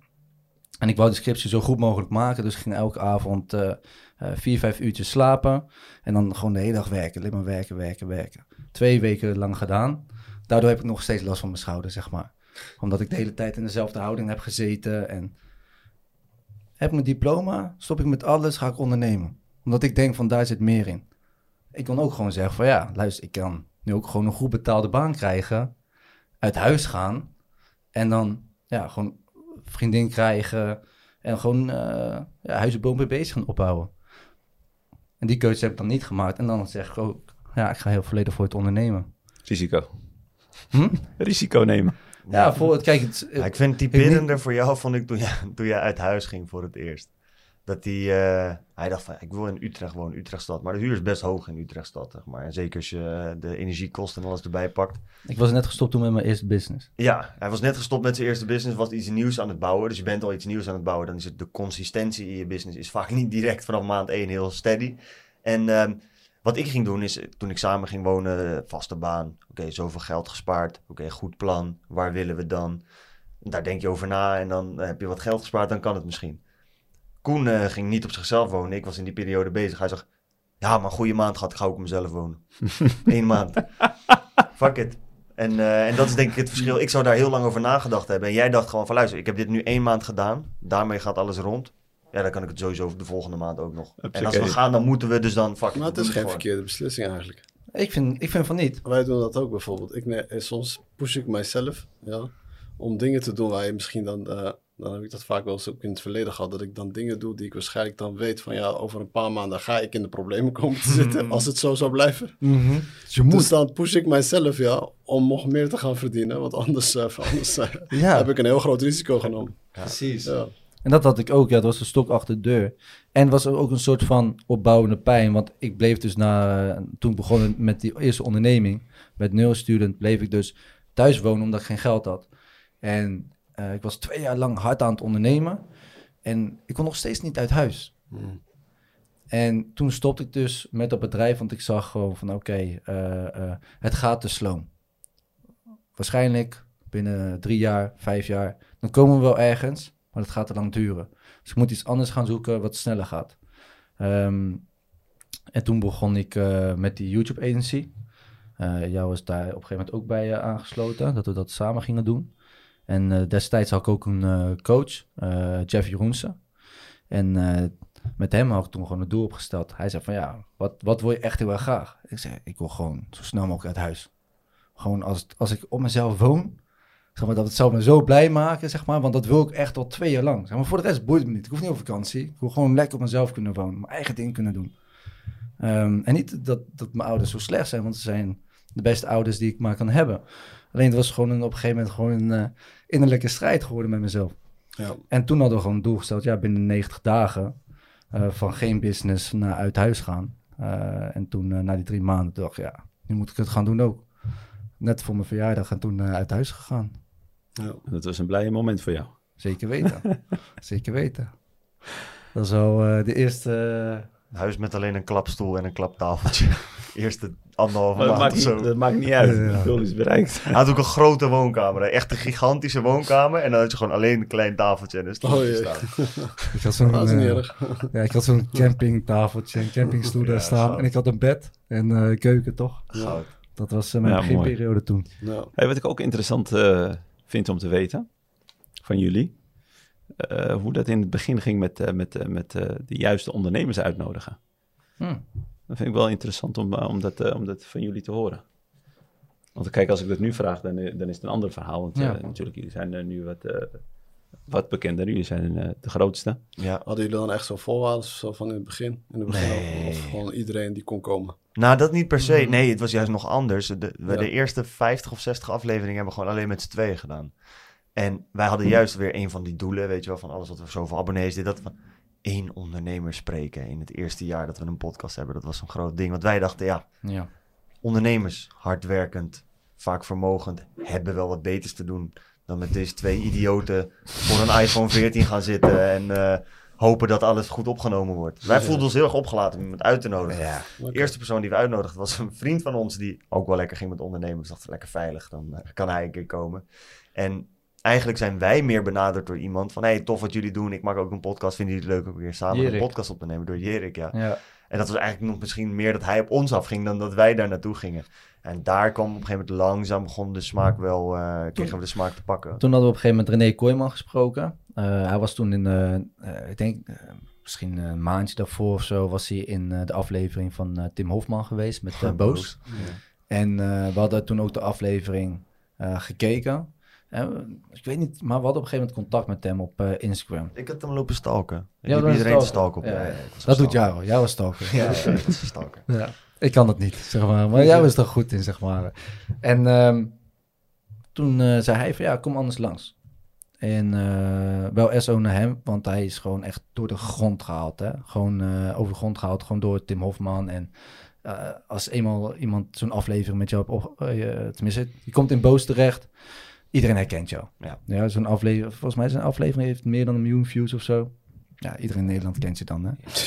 Ehm, alleen wij keken de aflevering. We dachten van ja, we zijn best wel benieuwd gewoon naar het verhaal. Ja. Van ja, laten we het eens ongeknipt in de podcast erover hebben. En toen zijn we gewoon een podcast met hem opgenomen. En eh, we zijn nog steeds goede vrienden met hem. Weet je? Dus eh, Ik weet nog wel dat we daar toen heen gingen. Want wij wouden gewoon een toffe gesprek hebben. Maar hij had altijd wel gewoon... eh, het boeide hem niet zoveel om gasten gewoon moeilijke vragen te stellen. Maar ik wil altijd mensen pleasen. Ik ben een beetje een people pleaser van mezelf. Ik heb liever gezelligheid, leuke gesprekken. Ik hou ook niet van die journalistiek die heel erg erop uit is om iemand in een hoekje te drijven en het onderste uit de kant te halen. Vind ik helemaal niet leuk. Het kost ook veel energie. En toen hadden we het erover, we moeten wel eh, dingen vragen over boos. Kritische vragen. Maar ik zei, ja, ik durf niet, man. Toen zei van, ik ga het wel doen. Ik zei, ja, weet je zeker? Denk je dat je het gaat doen? En ik weet dat we ook de heel die podcast, de eerste uur of zo, allebei zitten van, weet je dat je merkt van, ja, ik kan er nu wel heen. Maar is nog te spannend. We moeten nog even opwarmen. En Ja, toen ja. gooide jij volgens mij op een gegeven moment iets. Ik weet niet meer wat die vraag überhaupt was er tussendoor. En ik weet gewoon, het zweet gutste me onder mijn oksels vandaan, joh. Ik kon er echt helemaal niet mee. Ik vond het helemaal niks. daar hebben we best wel veel moeite mee inderdaad, ja. Ja. Ja. Weet je, je wil gewoon een tof gesprek hebben. En dan eh, soms heb je van die kritische vragen. En denk je van ja, je kan ze wel stellen. Alleen je wilt natuurlijk niet eh, dat eh, de persoon heel erg zich gesloten voelt of in een hoekje geduwd. Eh, dus eh, dat is soms nog een dilemma waar we een beetje in zitten. Van oké, hoe ver kun je daarin gaan? En dat het nog steeds gewoon een tof gesprek is om te, om te hebben. Ehm, nou ja, toen hadden we René Kooijman een keertje gehad. Dus was het dan ook weer een ander soort podcast, maar met een gast. En we zagen eh, gewoon met eh podcast met gasten. Die ging qua views ook veel sneller. Toen dachten we in één keer van ja, nou, dan heeft het sowieso een paar voordelen. Op social media ga je natuurlijk die video's ook met elkaar delen. Dus dan krijg je weer nieuw bereik, nieuwe volgers. Eh, Zo'n video op YouTube, die krijgt dan ook meer views. En nog het tofste van allemaal is, je kent nog een ondernemer. Ja. Weet je wel, een ondernemer die gewoon echt een stap verder is dan jij en jouw dingen kan leren. Weet je, en zij vinden het ook nog eens tof om op de podcast te komen. Eh, en ik weet nog wel, ik weet niet precies hoe dat kwam, maar het was wel gedurende corona nog. Toen was ook eh, Igor Beuker. Ik weet wel nog hoe dat kon, man. Ja? Ja, dat was mijn genialiteit, uiteraard. Zo, wat een ego, hè? Nee, nee, dat weet jij ook nog wel. Dat was, op een gegeven moment had ik een idee. Er was een podcast van Oh, eh, ja. Kai Gorgels. En die sprak allemaal best wel interessante ondernemers. Maar die maakte geen korte clipjes op TikTok. Toen dacht ik, ja, hij spreekt ook ondernemers in een podcast. Best wel een beetje dezelfde doelgroep als ons. Maar dan wat grotere namen. Dan ga ik ze wel gewoon knippen en dan post ik ze ook op ons kanaal. En dan gaan die mensen ons volgen en dan gaan ze ook onze content zien. Dan trekken we ze hopelijk naar ons toe. Toen had ik hem gepost en toen, hij is wat ouder, hij is in de 50 of zo. En die video ging toen echt hard, had weet ik, wel, 100 of 200.000 views zeg maar, op TikTok behaald. En toen kon ik hem heel makkelijk bereiken, omdat hij zoiets had van, ja, wie is dat account die dit gepost heeft? Wat grappig dat dat zo, zo viraal gaat. En eh, Hmm. zo zijn we met hem in contact gekomen. Oké. En het was corona. Dus normaal vliegt hij de hele wereld over om presentaties te geven. Nu had hij niks te doen. Dus kwam hij bij de Lotgenoten podcast. Ja, ja, ja. En dat was wel tof. Toen spraken we ook voor het eerst. Dus hij had, zijn, eh, had een paar marketingbedrijven had hij, eh, verkocht. Eh, had hij eh, uiteindelijk een vermogen van 20 miljoen. Had hij weer gestopt in volgens mij 10 of 20 andere bedrijven. 20 volgens mij. 20 allemaal duurzaam gerelateerde bedrijven. Ja, en dan spreek je met zo'n gast en dan denk je gewoon, ja, dit is het. Weet je wel? Eh, zo'n gast is helemaal overtuigd. Hij is iets van 60 jaar of zo, weet je wel. Zit nog vol met energie. En dan denk ik van, ja, wie wil je nou? Wil je nou zo'n gast eh, van 60 jaar die nog denkt van, ja, kom maar op. Weet je, van, ik, ook al ben ik stinkend rijk, ik wil nog meer uit het leven halen. Eh, of wil je een persoon die op hun zestigste er helemaal klaar mee is en eh, zegt van, eh, voor mij is het genoeg zo.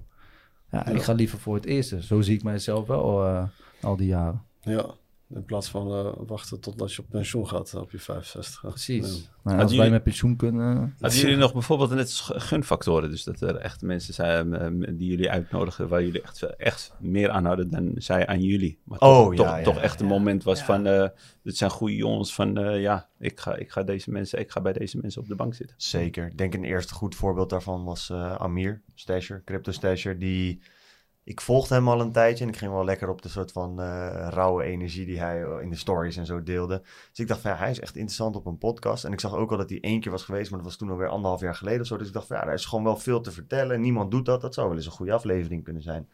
En toen ging ik hem DM'en en hij had volgens mij toen heel erg, dat heeft hij later ook gezegd, hij had zoiets van ja, deze kleine podcast die, ja, ik heb bereik. Ik kom hun veel dingen brengen. Ja, wat heb ik daar dan aan precies? En ik weet niet, op een gegeven moment hadden wij toen een ander iemand in de crypto gesproken over NFT's of zo. En dat vond hij toen wel tof. En toen dacht ik, Mm. weet je wat? Ik ga gewoon langs bij die jongens. We kijken wel waar het schip strandt. En dat was eigenlijk een van de eerste afleveringen eh, ja, die echt wel tractie kreeg en die echt hard ging draaien. Waar we echt, eh, weet ik veel, dan ineens in een week een paar honderd of, of duizend abonnees erbij kregen of zo. En veel views en de volgers op Instagram groeien. Maar Amir is een heel goed voorbeeld van iemand die ons toen een kans gegeven heeft, zeg maar. Ja. En eh, ja, daar, daar zijn we nog steeds dankbaar voor. Mooi man. Ik vind eh, zijn manier van eh, communiceren is toch eh, uniek, vooral naar de jeugd toe. Weet je? Zeker. En Kom je niet vaak tegen. ja. Het is een goede combinatie van begrip voor de jongeren met een goede laag hardheid van ja, ja. bek dicht en werken. ja Hij zo. combineert die twee dingen goed, zeg Mm. maar. Dus mensen luisteren wel, maar hebben ook wel zoiets van ja, hij heeft wel gelijk, ik moet eigenlijk wel naar hem luisteren. Ja.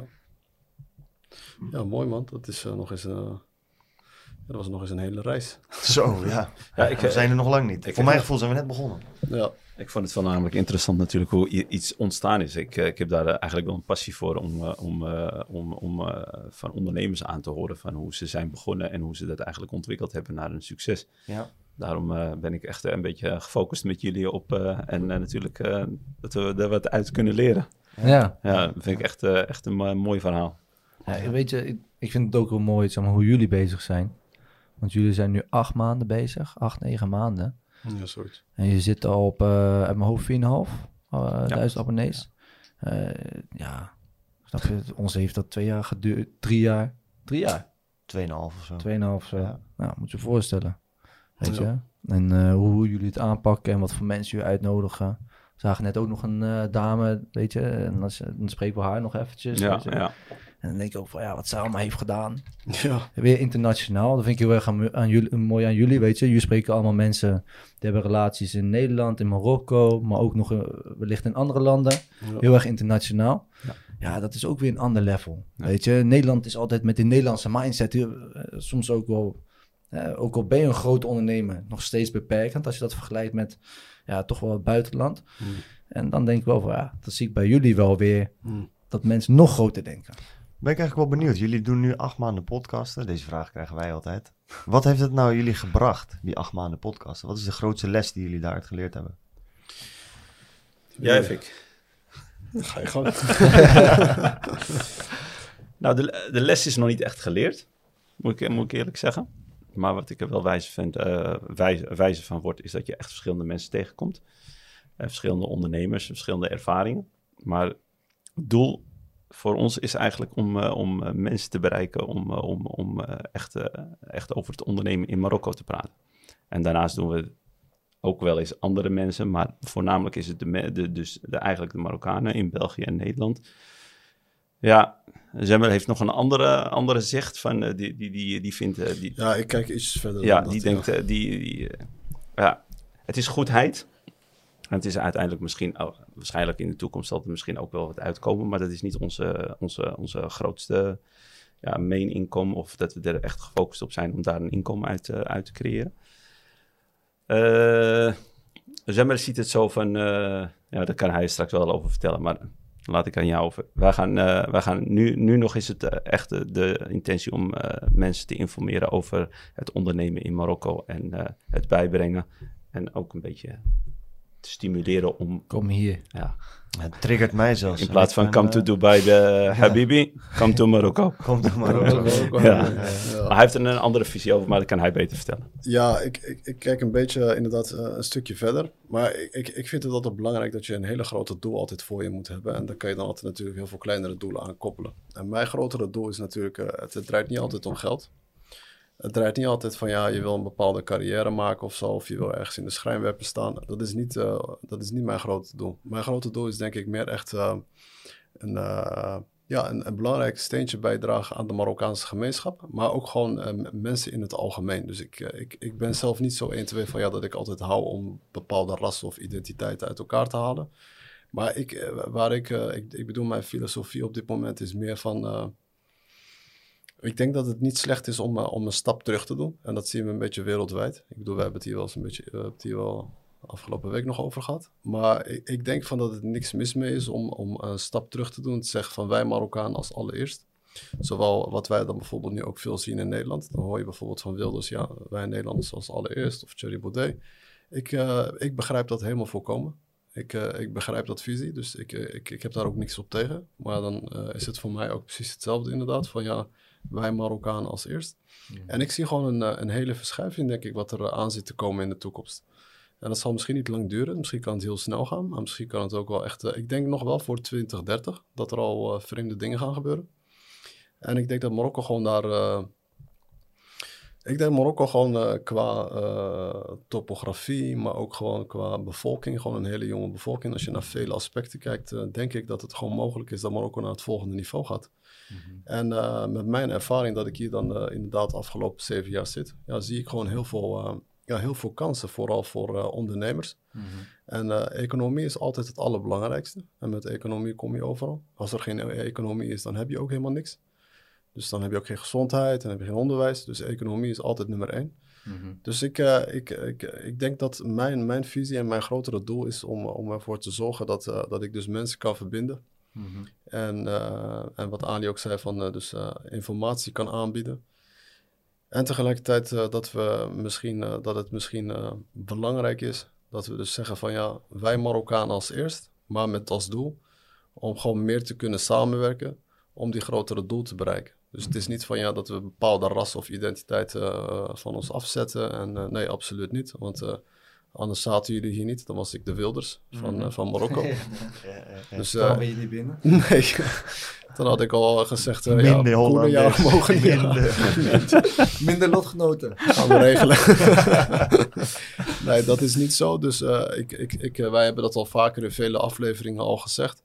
Ik ben de Hollanders echt dankbaar. En eh, echt waar voor de wijze lessen, voor de opvoeding, Geen probleem. voor de kansen die, Ja, dat is tien jaar hoor.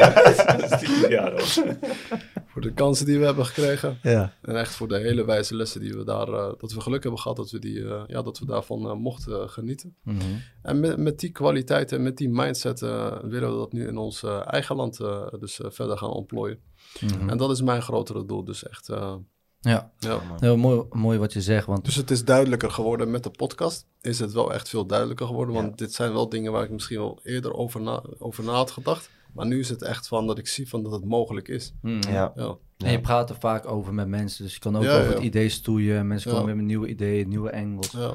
Ja, ik, eh, eigenlijk ook door deze week met jullie meer erover te praten. Eh, je gaf ook aan, eh, of tenminste, we hebben het gewoon erover gehad. Hey, Marokko is best wel jong. Weet je, je hebt heel veel jonge gasten die gewoon eh, eh, nu ambitieus zijn en hard willen werken. Nou, in Nederland, eh, de ambitieusheid is, ligt best wel laag. Uh, tuurlijk heb je zeker wel ondernemers in Nederland die het groot gaan maken. Um, alleen uh, de, de ondernemer zijnde in Nederland, die worden ook best wel tegengehouden. Gewoon door de overheid aan alle kanten. zijn er kansen, wordt er heel snel op ingespeeld. Voor wat jullie zeggen, hè? de ondernemer in Marokko daar liggen eigenlijk kansen voor het oprapen. Ja. Uh, in Nederland heb je ook meer vergrijzing. Dus al die vergelijkingen, als je dat allemaal gaat doen met elkaar, dan zie je wel in één keer van oi, oi, oi. Dan zie je een patroon. Ja. ja. ja. En niet uh, een kleine, zeg maar. Ja, het, is het begint echt heel duidelijk. Uh, als ja. je, als je het kan zien, dan zie je het. Ja, en we hebben gisteren ook nog een gesprek gehad. Ja. En dat ging niet om uh, 1 miljoen, ging niet om 2 miljoen. Weet je, dat ging om hele grote bedragen, zeg maar, wat er kan komen door de kansen die hier spelen. Ja. En natuurlijk uh, gaat niet alles om geld. Het gaat natuurlijk om ja. impact. Maar impact uh, kan, je, kan je natuurlijk kwantificeren in geld. Dus uh, dan kan je wel zien hoe de resultaten kunnen zijn. Ja, ja man. Ja, en hoe ervaren jullie dat dan bijvoorbeeld? Want zien jullie dat ook? Kijk, jullie spreken natuurlijk heel veel succesvolle ondernemers. En, en hij heeft heel veel Marokkaanse vrienden. Hij spreekt ook Arabisch. Mijn Maghreb. Ja. Doe een paar woordjes. Hè? Ja. Ja, ja, ja, ja, ja, straks bij de... Dat was het, zeker. Dat is weer gesloten. hey, maar jullie, jullie, hebben dus vele ondernemers al gesproken. Maar ik bedoel, we hebben hier al wel gesprekken over gehad natuurlijk. Maar misschien is het ook wel leuk om met de kijkers te delen. Van, uh, dat er inderdaad, uh, dat je ziet van dat het uh, zowel vanuit de overheid heel moeilijk wordt gemaakt. Vooral met de belastingregels ja. en noem maar op. Mm -hmm. Maar je ziet ook inderdaad dat vele multinational bedrijven ook al gewoon ja, het, het, het grootste stuk van de taart al hebben. Ja. Dus waardoor de kansen ook gewoon veel kleiner zijn in Nederland en veel moeilijker. Dus uh, hoe ervaren jullie dat dan? Uh, want ik bedoel, jullie hebben natuurlijk al een, uh, ja, een, een platform en een, een podium waar jullie dus, of een, ja, een, gereedschap waar jullie toch wel wat makkelijker voor jullie kunnen maken. Maar hoe zit het bijvoorbeeld als je denkt aan beginnende ondernemers? Weet je, dat kan wel echt. Nou, ik denk voor mij, maak je gewoon niet druk om dat soort dingen als beginnend ondernemer. Ja. Het is heel makkelijk om na te denken, ja, maar de kansen worden hier wel steeds minder elke keer. En er wordt ook in marketing best wel op ingespeeld hè, door marketeers. Van als je niet binnen nu en vijf jaar, dan komen de CBDC's en dan kan je niet eens meer rijk worden. Dat is straks, dan word je best wel bang gemaakt met als doel vaak om, jou, om hun product te kopen. Kijk, een ondernemer vindt zijn weg wel. Of dat nou is uh, in Afrika in een dorp of in Nederland waar je een hele goede opleiding hebt gehad. Er zijn altijd kansen. Die kun je altijd grijpen. En er zal ook altijd wel een, een, zaak te maken zijn van... hé, hey, ja, dit was misschien makkelijker geweest in dit werelddeel... of op deze leeftijd of in deze tijd. Dat ga je altijd hebben. Uh, maar ik zal me daar vooral gewoon niet te druk om maken. Mm -hmm. Weet je, dit, dit, dit, dit maakt geen moer uit. Het is alleen maar een excuus om te zeggen dat het misschien niet gelukt is om die reden. Nou, en alle mensen die wij gesproken hebben die het wel gelukt is... zijn niet bezig met die fucking excuses. Ja, ja. Die, gaan, die gaan er gewoon voor. Exact. Ja. Ik denk dat je ook twee soorten mensen hebt. Hè? Je hebt de, de mensen die... Uh, heel snel keuzes maken en hun keuzes langzaam wijzigen. En je hebt de mensen die heel lang nadenken over één keuze. Dan hebben ze een keuze gemaakt. En dan moeten ze weer een andere keuze gaan maken. Dan gaan ze weer switchen. Ja. En ik denk dus dat uh, de ondernemer. Uh, ik was in het begin helemaal niet zo, maar dan moet je leren. Uh, je moet leren om snel keuzes te maken. En hoe vaker jij snelle keuzes maakt, hoe sneller jij die keuze kan maken. En door ervaring ga je leren wat de juiste keuzes zijn. Maar als je geen keuze maakt, weet je nooit wat de goede keuze zou zijn geweest. En dat het is eigenlijk ondernemerschap. Het, lijkt wel alsof je een stukje aan het voorlezen is van 2 december. 2 december? Ja, ik heb het precies opgeschreven. Hey. Jullie hebben allebei ChatGPT gebruikt voor dit antwoord. Ja, heb je zijn script? Uh... Zo direct laat ik je zien. Ja? ja. Precies hoe je dat nu, hey. nu zou zijn. Great minds think alike. Ja, ik ga dat zeggen nu. Dat mag dat niet. Ja, ja, ja, je bent echt een great mind. Ja, dankjewel. Een beetje Engels. Maar je Ja, moet maar- het wel afmaken nu ook. Ja, je, Want je zat er middenin. ja ga, maak het af. Dus eh, snelle beslissingen maken. Eh, ja, nu ben ik mijn verhaal even kwijt, man. Je zat er goed jongen, in jongen, ook. jongen. Ali, vertel jij het anders af. Het is toch jouw stukje. Ik wou, net zeggen, ik, wou net zeggen, ik wou net zeggen, we, zijn zo, uh, we begonnen zo, uh, zo aan, het, aan, het, lachen in het begin. En zo aan het begin begonnen we heel serieus te... Ja, dat moet altijd eventjes, hè. eventjes wat, wat wij zijn delen en dan kun je weer gek doen.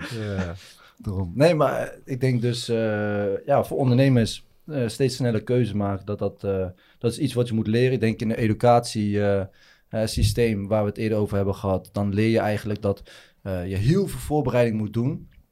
Eh, en dan, eh, dan lever je iets in. Eh, en dat probeer je foutloos te doen. En in ondernemen ga je leren dat je... Je kan heel veel boeken lezen, je kan heel veel mensen spreken, je kan heel veel podcasts luisteren. En dat is zeker belangrijk. En doet dat ook voor een gedeelte. Maar je moet meer gaan produceren dan consumeren. Helemaal als jongen zijn, helemaal als je tussen de 20 en 30 bent. Ja, je hebt gewoon weinig te vertellen in het leven, man. Wees ongelukkig en ga hard voor, voor je doelen. En zorg dat je niet stopt voordat je ze hebt bereikt. En ondertussen, eh, je kan je pad een beetje wijzigen. Eh, dat is bij ons ook gebeurd. We hadden nooit verwacht dat de podcast het ding zou zijn. Dat wouden we ook helemaal niet in het begin. En dit is ook al niet de eindbestemming, ook nog. Nee, Zeg maar dat ook. Dus dit is gewoon een puur middel om weer een stap verder te gaan. Dat is mijn volgende vraag.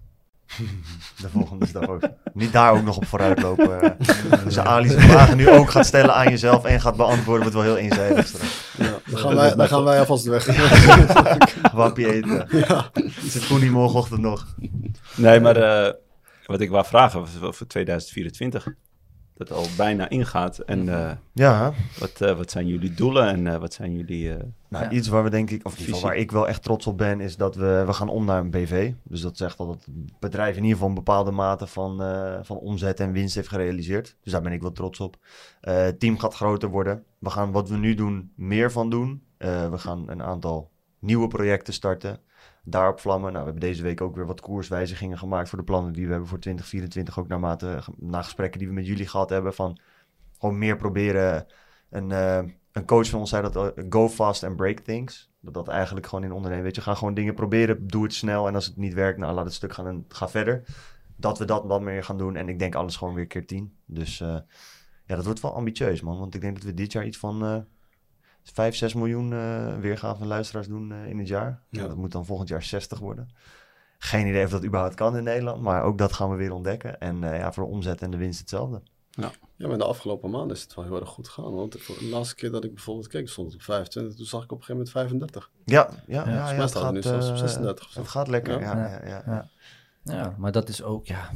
eh, eh, jij bent wat meer de cijferman. Klopt.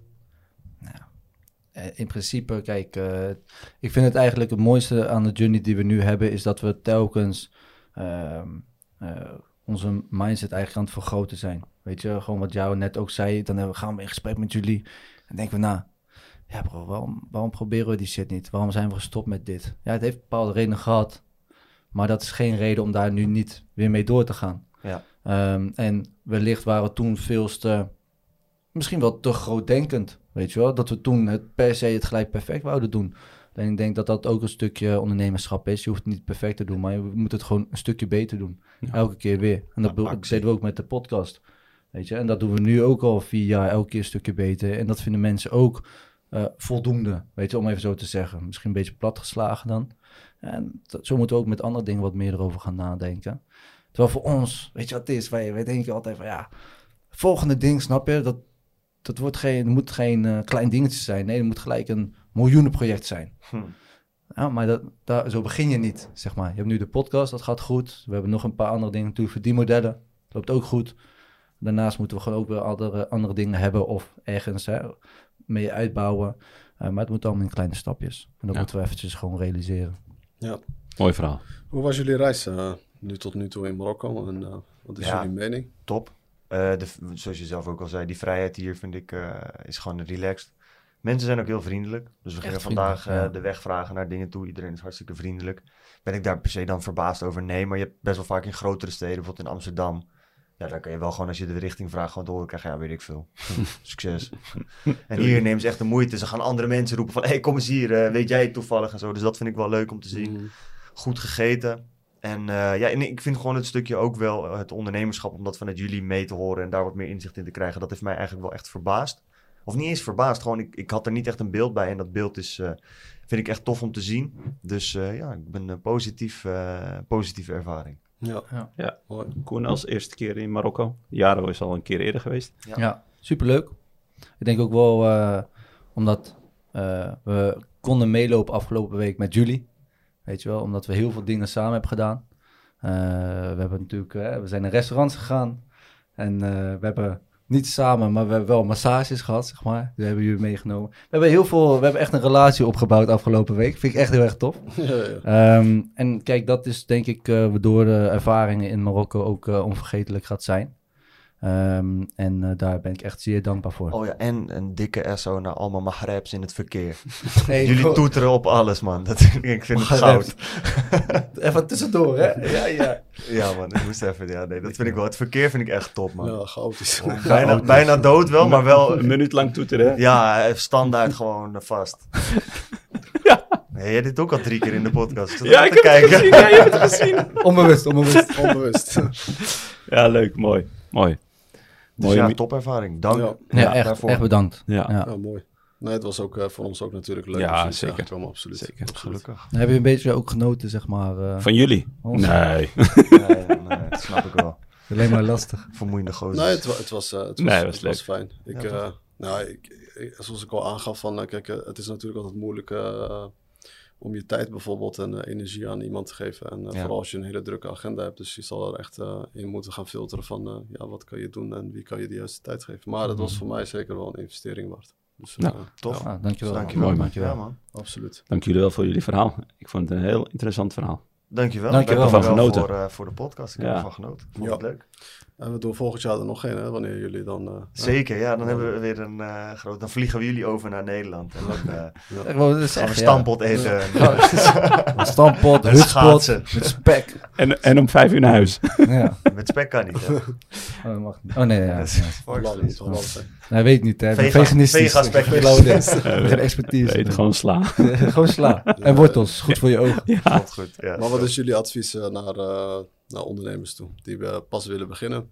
Ja. En, Ja. uh, Ik heb daar toevallig eh, net een beetje van na toen jij bezig was met je vrouw over na te denken. Toen dacht ik, ja, het is voor ons, mijn grootste les is gewoon actie. Onderneem actie. Niet nadenken over waar ligt de grootste kans of wat is dit of wat als ik het geld kwijtraak. Je hebt waarschijnlijk als je dit kijkt nu wel iets van een idee in je hoofd zitten. En of dat nou is om auto's te gaan inkopen en verkopen, om je eigen ijszaak te openen of om een webshop te beginnen. Je hebt wel ergens over nagedacht. Stop met denken, ga gewoon doen. Pak die 100, 200, 500, misschien 1000 euro.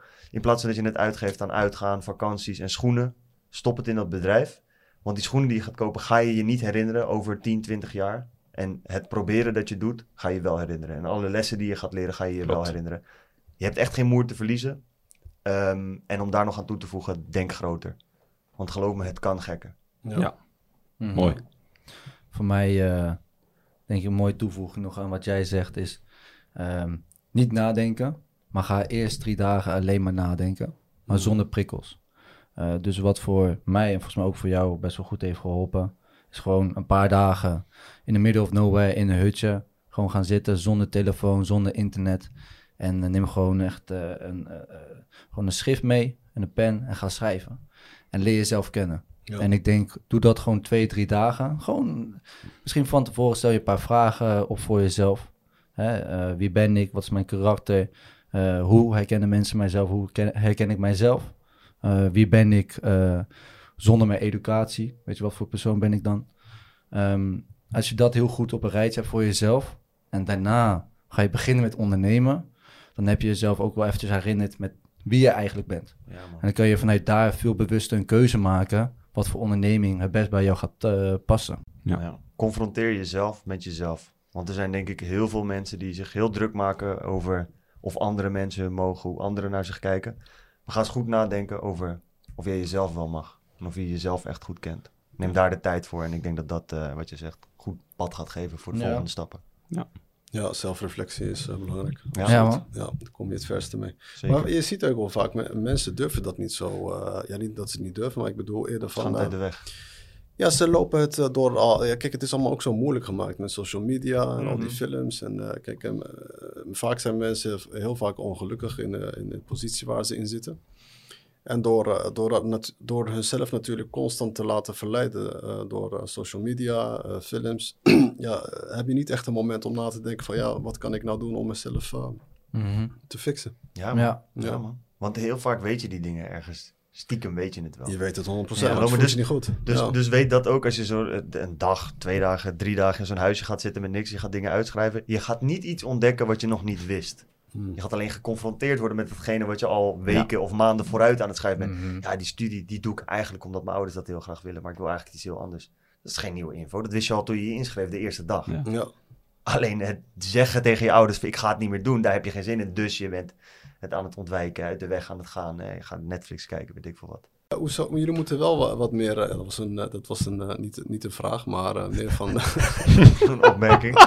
een opmerking. ja, ja, is goed. Je moet wel meer Marokkanen uitnodigen op de, op de podcast. Wat is nou voor racistisch gedoe? Hey, mensen zeggen dat ook altijd over vrouwen en zo, man. En ook vrouwen, man. Ik heb een keer een wild bericht gehad van iemand Ja. die zei van... is er een reden dat jullie alleen maar mannen uitnodigen? En dan specifiek blanke, mannen. hetero mannen. Ja. Ik dacht gewoon, yo. Ik ging Ja, kijken, een zo? van de eerste grote afleveringen waren Alistair Overeem en Amir. Het is geen, totaal geen blanke Nederlander. Ja. Dus eh, nee man, die... eh, nee, Maar het antwoord is nee. gewoon easy. Maar, maar, hoe- maar ik vind toch wel dat jullie wat meer Marokkanen moeten uitnodigen.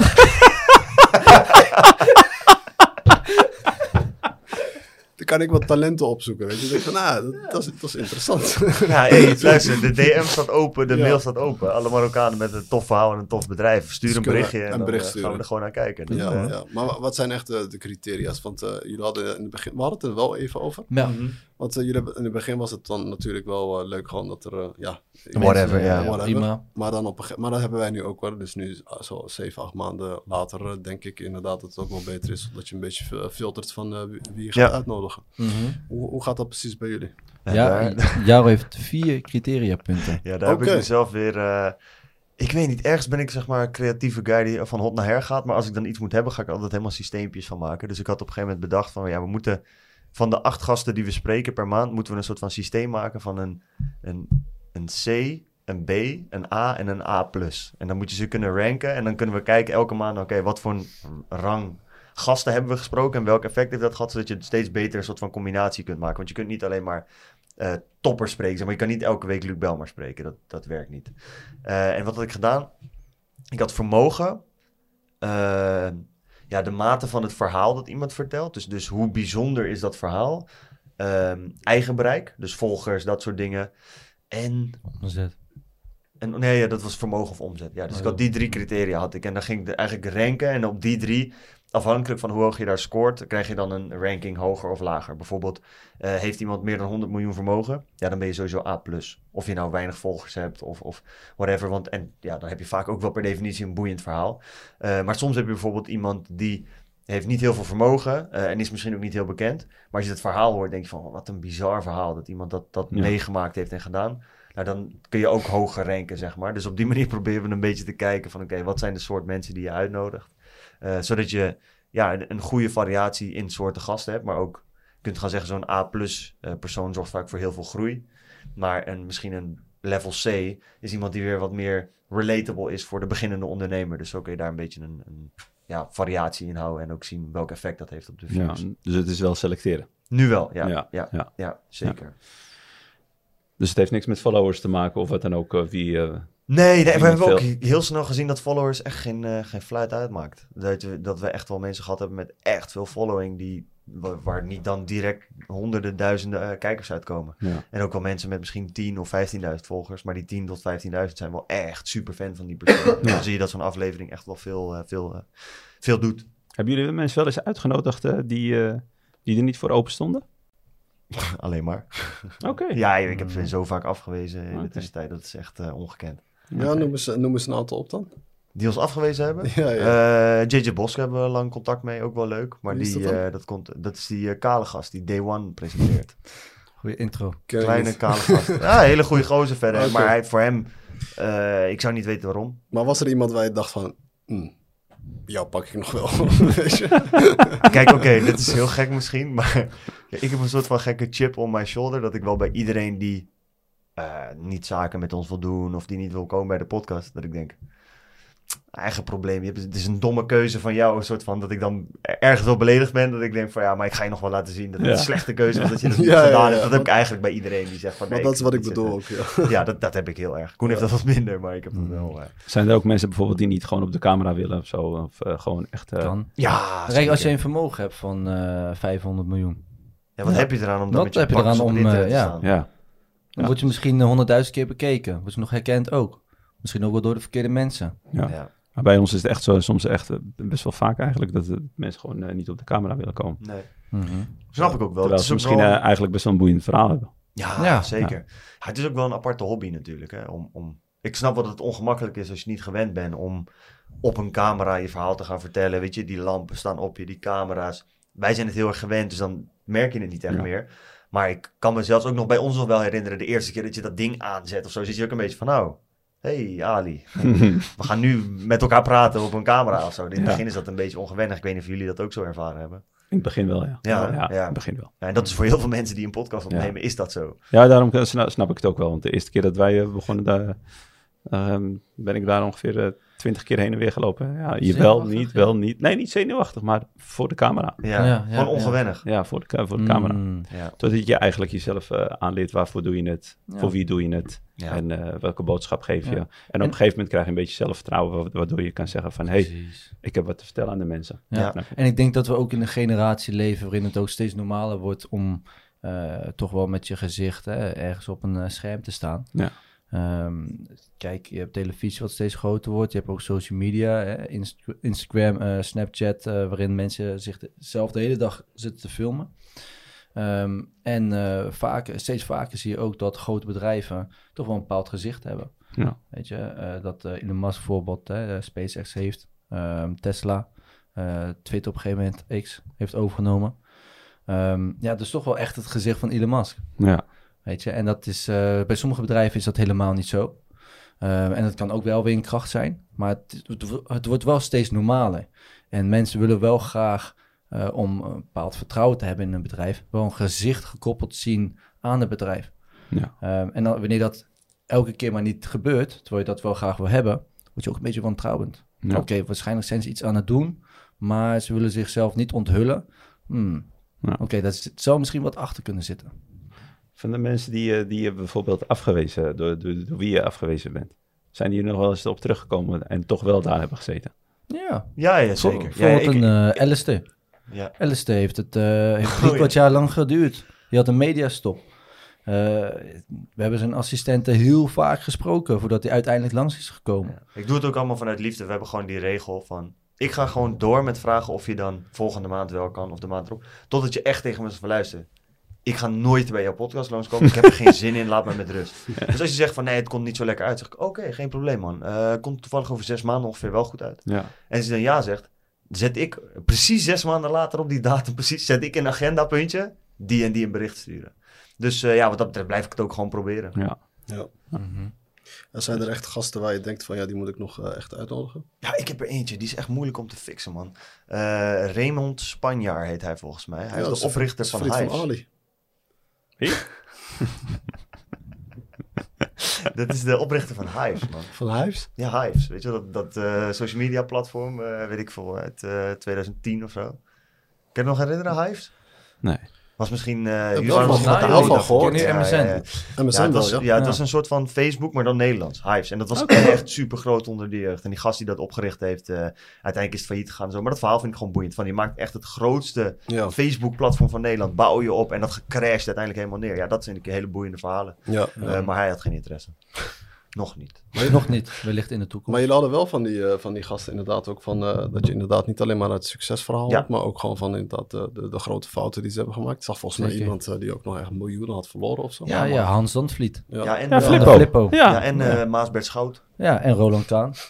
Maar die heeft nooit echt geld verloren, toch? Alleen ja, nee, maar zo hebben we het wel afgeschilderd. Zeg maar. ja, ja. ging eh, wel volledig failliet. Ja, ja, klopt. dat hebben we wel in de titel gezet. en Ja, die verhalen zijn gewoon tof, man. Van het grootste, iedereen in Nederland kende het. En toch is het dan ten onder gegaan. Nou Roland Kaan heeft dan nog steeds wel 100 miljoen plus vermogen, weet je wel. Dus die is er goed afgekomen. Maar we hebben ook die gast van de Flippo gesproken. Want Flippo's kennen jullie wel, toch? Ja, dat ken ik. Precies, nou, Flippo's was, dat was alles. Dat was overal. Dat was gigantisch. En uiteindelijk is- zit hij nu in de bijstand. Ja, dat verhaal zag ik ooit ergens. Ik heb hem echt lang wel gestalkt in zijn in zijn DM. En weet, of nee, ja, ze heeft op Instagram op een gegeven moment ook gevonden. Terwijl hij volgens mij deed hij daar niet even wat mee. Hem op alle manieren geprobeerd te fixen. En daar komt netwerk wel weer op een hele interessante manier naar voren. Want toen waren we op een gegeven moment met een etentje bij Salar Azimi. Mhm. En daar was de gast die voor Salar Azimi een biografie ging schrijven. En die had ook de biografie geschreven voor Hans Zandvliet. En jij was met hem aan het ouwe hoeren. Ja. En hij zei, ja, ik kan jullie wel in contact brengen met Hans. Toen dachten wij, Hey. money, dat willen we. Ja. Nou, die aflevering heeft uiteindelijk nu volgens mij 150.000 kijkers en luisteraars gehad. Super toffe gast, tof gesprek. Ja, dat zijn wel de dingen waar ik op terugkijk. Dat ik denk van, dan ben ik echt wel trots op dat we dat verhaal Mhm. hebben kunnen vertellen. Maar, maar zit hij nog echt nog ook eh, echt in de, bij- in de bijstand? Jazeker. Ja. Dat is altijd wat ik niet begrijp. Weet je, hoe kan je nou bijvoorbeeld als echt een, eh, een succesvolle ondernemer op een gegeven moment, want je Mhm. bouwt er echt kwaliteit op. En dat het dan op een gegeven moment misgaat, kan ik begrijpen dat je dan misschien een verkeerde beslissing Ja. hebt gemaakt Mhm. of vele verkeerde beslissingen. Maar dat je het dan, of is die passie er niet meer om te zeggen Nou, van... Dan moet je de hele aflevering luisteren. Kijk, want het is, het is heel dus vervelend om te Ja, maar zeggen, ik heb maar het niet over hem. Ik zo. heb het niet over hem. Nee, nee, maar bij hem Nee, maar voor Hans legitieme Iedereen, vraag. want wij gingen ook zo de podcast in. Hij had 30 miljoen euro vermogen. Precies. En nu zit Hoe je in de kan je dat- bijstand. Hoe kan je Hoe dat kan dat? kwijtraken? Je bent zo'n fucking slimme ondernemer. Ja, maar kwijtraken kunnen we nog begrijpen. En dan Ja, dat je dan stopt. Dat je in de bijstand zit en dat that's it. Dat dachten dat wij je ook. dan vrede Je geeft op. Zeg maar, zo voelde dat. Ja. Maar hij geeft niet op. Het is anders. Oh, dat is dus eh, de titel Ja. die dan... eh, oké. Kijk, Nee, wat het niet bij hem gewoon heel erg Ja. is, eh, hij heeft volgens mij nu zoveel schulden, dat hij wel dingen aan het opbouwen is, maar als hij nu, als hij gewoon ergens een euro heeft, gaat het gelijk allemaal terug Oh, naar de verzekeringen. En hij is zwaar genaaid door de verzekeringen, dus hij gunt het hun, van alles wat er is, gunt het hij hun niet om het geld terug te krijgen. Dus is hij nu, ja, wat, wat dingen on the side en zo, maar voor geld voor hem dingen doen heeft helemaal geen zin, want hij moet een paar miljoen terugbetalen. En Of hij is gewoon actief in het, eh, ergens in het buitenland. En, eh, dat weten we niet. Weet ik niet. En voor hem is het ook niet, ehm Ja. laat zo zeggen. eh, hij heeft het ook allemaal weer meegemaakt. Hè? ja. Hij was eh, de buurman van eh, Alexander, De koning. de koning. Ja. Snap je? Hij was echt aan de top van de top. Hij is echt aan de top. Ja. Weet je wel, echt een... eh, En vooral in die tijd, hè? in die Ja, tijd ja, ook, hè.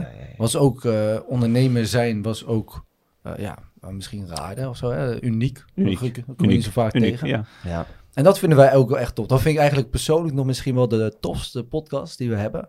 Met een Rolokaan, met een Hans Zandvliet, met een Leen Zevenbergen. Wie de fuck is Leen Zevenbergen? Niemand kent hem. Maar hij heeft een ondernemersjourney waar je u tegen zegt. Die gast heeft eh, miljoenen verdiend. Heeft eh, eh, tientallen bedrijven gehad. Die heeft in eh, 1985 is hij AI begonnen. Het eerste AI-bedrijf in Nederland. 1985. 1985.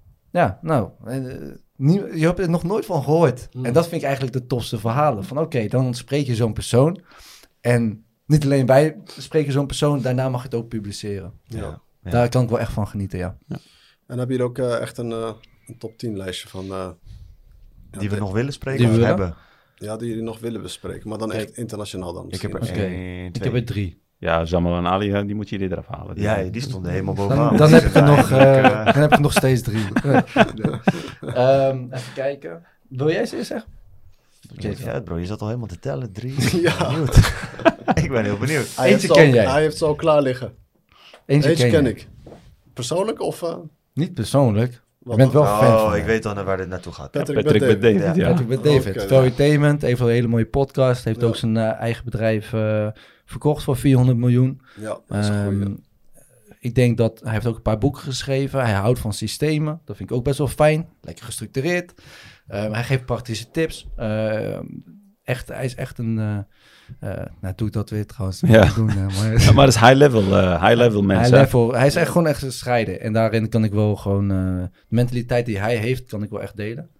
Ehm, dan hebben we nog een Joe Rogan. Nou, ik denk dat toch wel echt eh, de vader is van, eh, van de podcast eh, in, op de wereld. En Ja, dat hij ik- gewoon vroegtijdig ik- mee is begonnen. Dan kan ik vredig sterven, man, als we Joe Rogan hebben gesproken. Ja, ja, ja.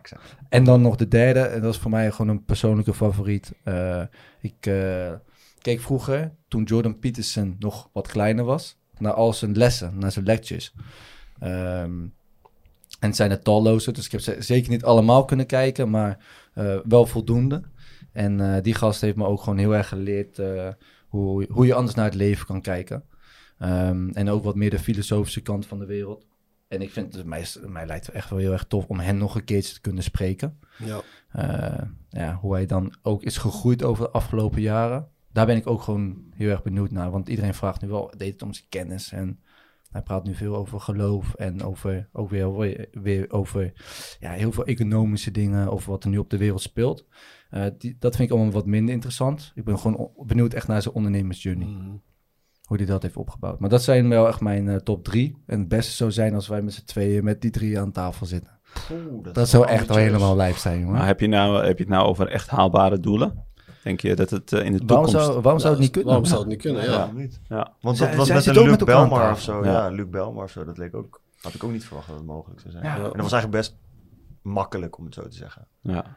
Dus, ja, De waarom timing was juist. Ja. Ik heb ook ik denk dat Joe Patrick, Rogan. Patrick Bet David zou eigenlijk wel zo lukken. Ik denk als je Ja. op een gegeven moment nog ietsjes groter zijn, dat het dan... eh, Hij moet gewoon een keer spreken in Ja. Nederland of zo. En dat juist Ja. met een PR-bureau Ja, eh, ja. oppakken. Dan eh, kan je dat echt wel Ja. realiseren. En dat is bij Jordan Peterson exact hetzelfde Ja. trouwens. Of misschien, eh, want kijk, hij, hij organiseert elke jaar in Miami eh, van die... eh Het is een drie evenement. dagen, ja. Ik denk dat het moeilijkst van die drie is Joe Rogan, denk ik. Ja, denk het ook, ja. Dat, dat Ja. is denk ik de lastigste. ja. Misschien als we Rico ook een keertje hebben gesproken. Dat we dan Ik kan zijn nummer doorgeven. Ja, meer van als Joe Rogan kan zien dat wij mensen hebben gesproken die hij zelf ook op de podcast heeft gesproken. Of die hij ook goed kent, zeg maar. Misschien vanuit de eh, sportwereld. Of als hij Ja. ziet, ja, we hebben ook Patrick met David eh, gesproken. Of een Jordan Peterson. Dan wordt het ook wel weer makkelijker. Interessant, ja. Ja, dat hebben Ja. wij ook gewoon gezien met de Michael Pilacic. Michael Ja. Pilacic komt langs en daarna... Maar anders moet je gewoon een mail sturen, want ik denk, ik denk dat het... Maar, je, je Ja, het kan zomaar, het kan zomaar. Ja, ja, ja, zeker.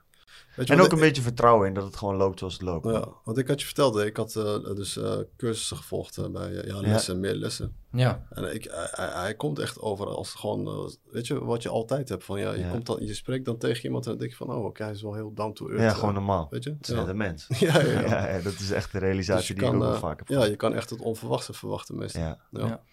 Wat Hey, maar, jouw- eh, wat zijn, Oh eh, ja, we moeten die van jou nog hebben. hè? Ja, ja, ik ja, zie nou ja, een beetje Ali- Ali-praktijken te doen hier. Maar, ja, goeie. Nee, Rogan vind ik een goeie, die voeg ik ook toe. En verder heb ik, eh, ik weet zijn achternaam niet, maar Chatri heet hij. Dat is de oprichter van One FC. Dus die, eh, zeg maar de tegenhanger van de UFC, UFC. in Ja, eh, ja, ja. Azië. Ja. Gruwelijk verhaal. Eh, ik heb ooit een kleine documentaire van hem gezien. Ik zou hem echt graag spreken. Ik vind hem echt een vrede ondernemer.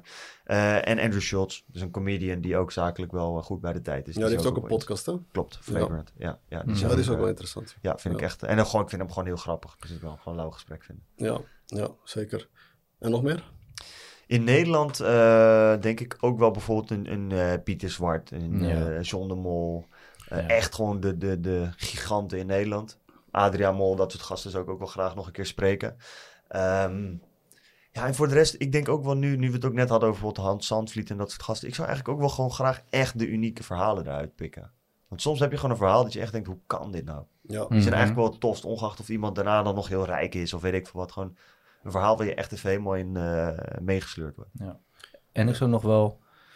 Dat zijn dan niet eh, de, de, eh, de typische ondernemers, maar bijvoorbeeld wel de CEO van eh, Philips, bijvoorbeeld, of van Albert Heijn, of Ja. van Jumbo. Ik denk zelf dat het dus echt oerzaai gaat zijn. Met heel Ja. veel mediatraining en... eh, Ja, weet je wat het is? We hebben dat nog nooit gedaan. Klopt. Maar dan, dan ga je wel een keertje met de persoon spreken die dan aan de top zit op dat moment. Ja. Hoe ziet hij de wereld? Hoe ziet hij ondernemen? Is hij ondernemer geweest? Ik ben heel erg benieuwd of, of, of dat klikt, of juist helemaal niet. Is dat echt, echt? Want ik zie dat nu een beetje als een soort van... Je hebt ondernemers dan heb je die corporate business. Een beetje een soort van het tegenovergestelde Ja. van elkaar. Maar is dat echt zo? Het- dat weet ik nog niet echt. Dus dat wil ik ook wel... eh, Hoe die verschillen in, eh, in, in denkwijze bedoel ja, je? in denkwijze, in handelen, Ja. hoe, je, hoe je naar de wereld kijkt, je visie. Ja, ben ik heel erg benieuwd naar. En welke Marokkanen? Ja, jullie moeten een keer gaan langskomen. Nee, buiten ons om. Andere Marokkanen? Ja, ik moet, maar, ik moet zeggen dat ik echt ook niet zou Nee. weten wie, Wie? qua specie... Ik kijk niet naar van, oh, dit is een Turkse ondernemer of een Marokkaanse. Oké, Dus weet ik veel. Ik weet niet welke grote ondernemers er zijn in, eh. Ja. in Nederland die dan ook Marokkaans zijn. Maar ja, als iemand een tof verhaal heeft... eh, maar ik heb niet direct iemand op het lijstje. Als je tips hebt, laat me weten. Nou, dat is racistisch wat je zegt. Voor de mensen. Ja, boei, ik ben gewoon eerlijk. Daar hield je toch van. Dat is het belangrijkste. ja, dat, ja, dat is het allerbelangrijkste.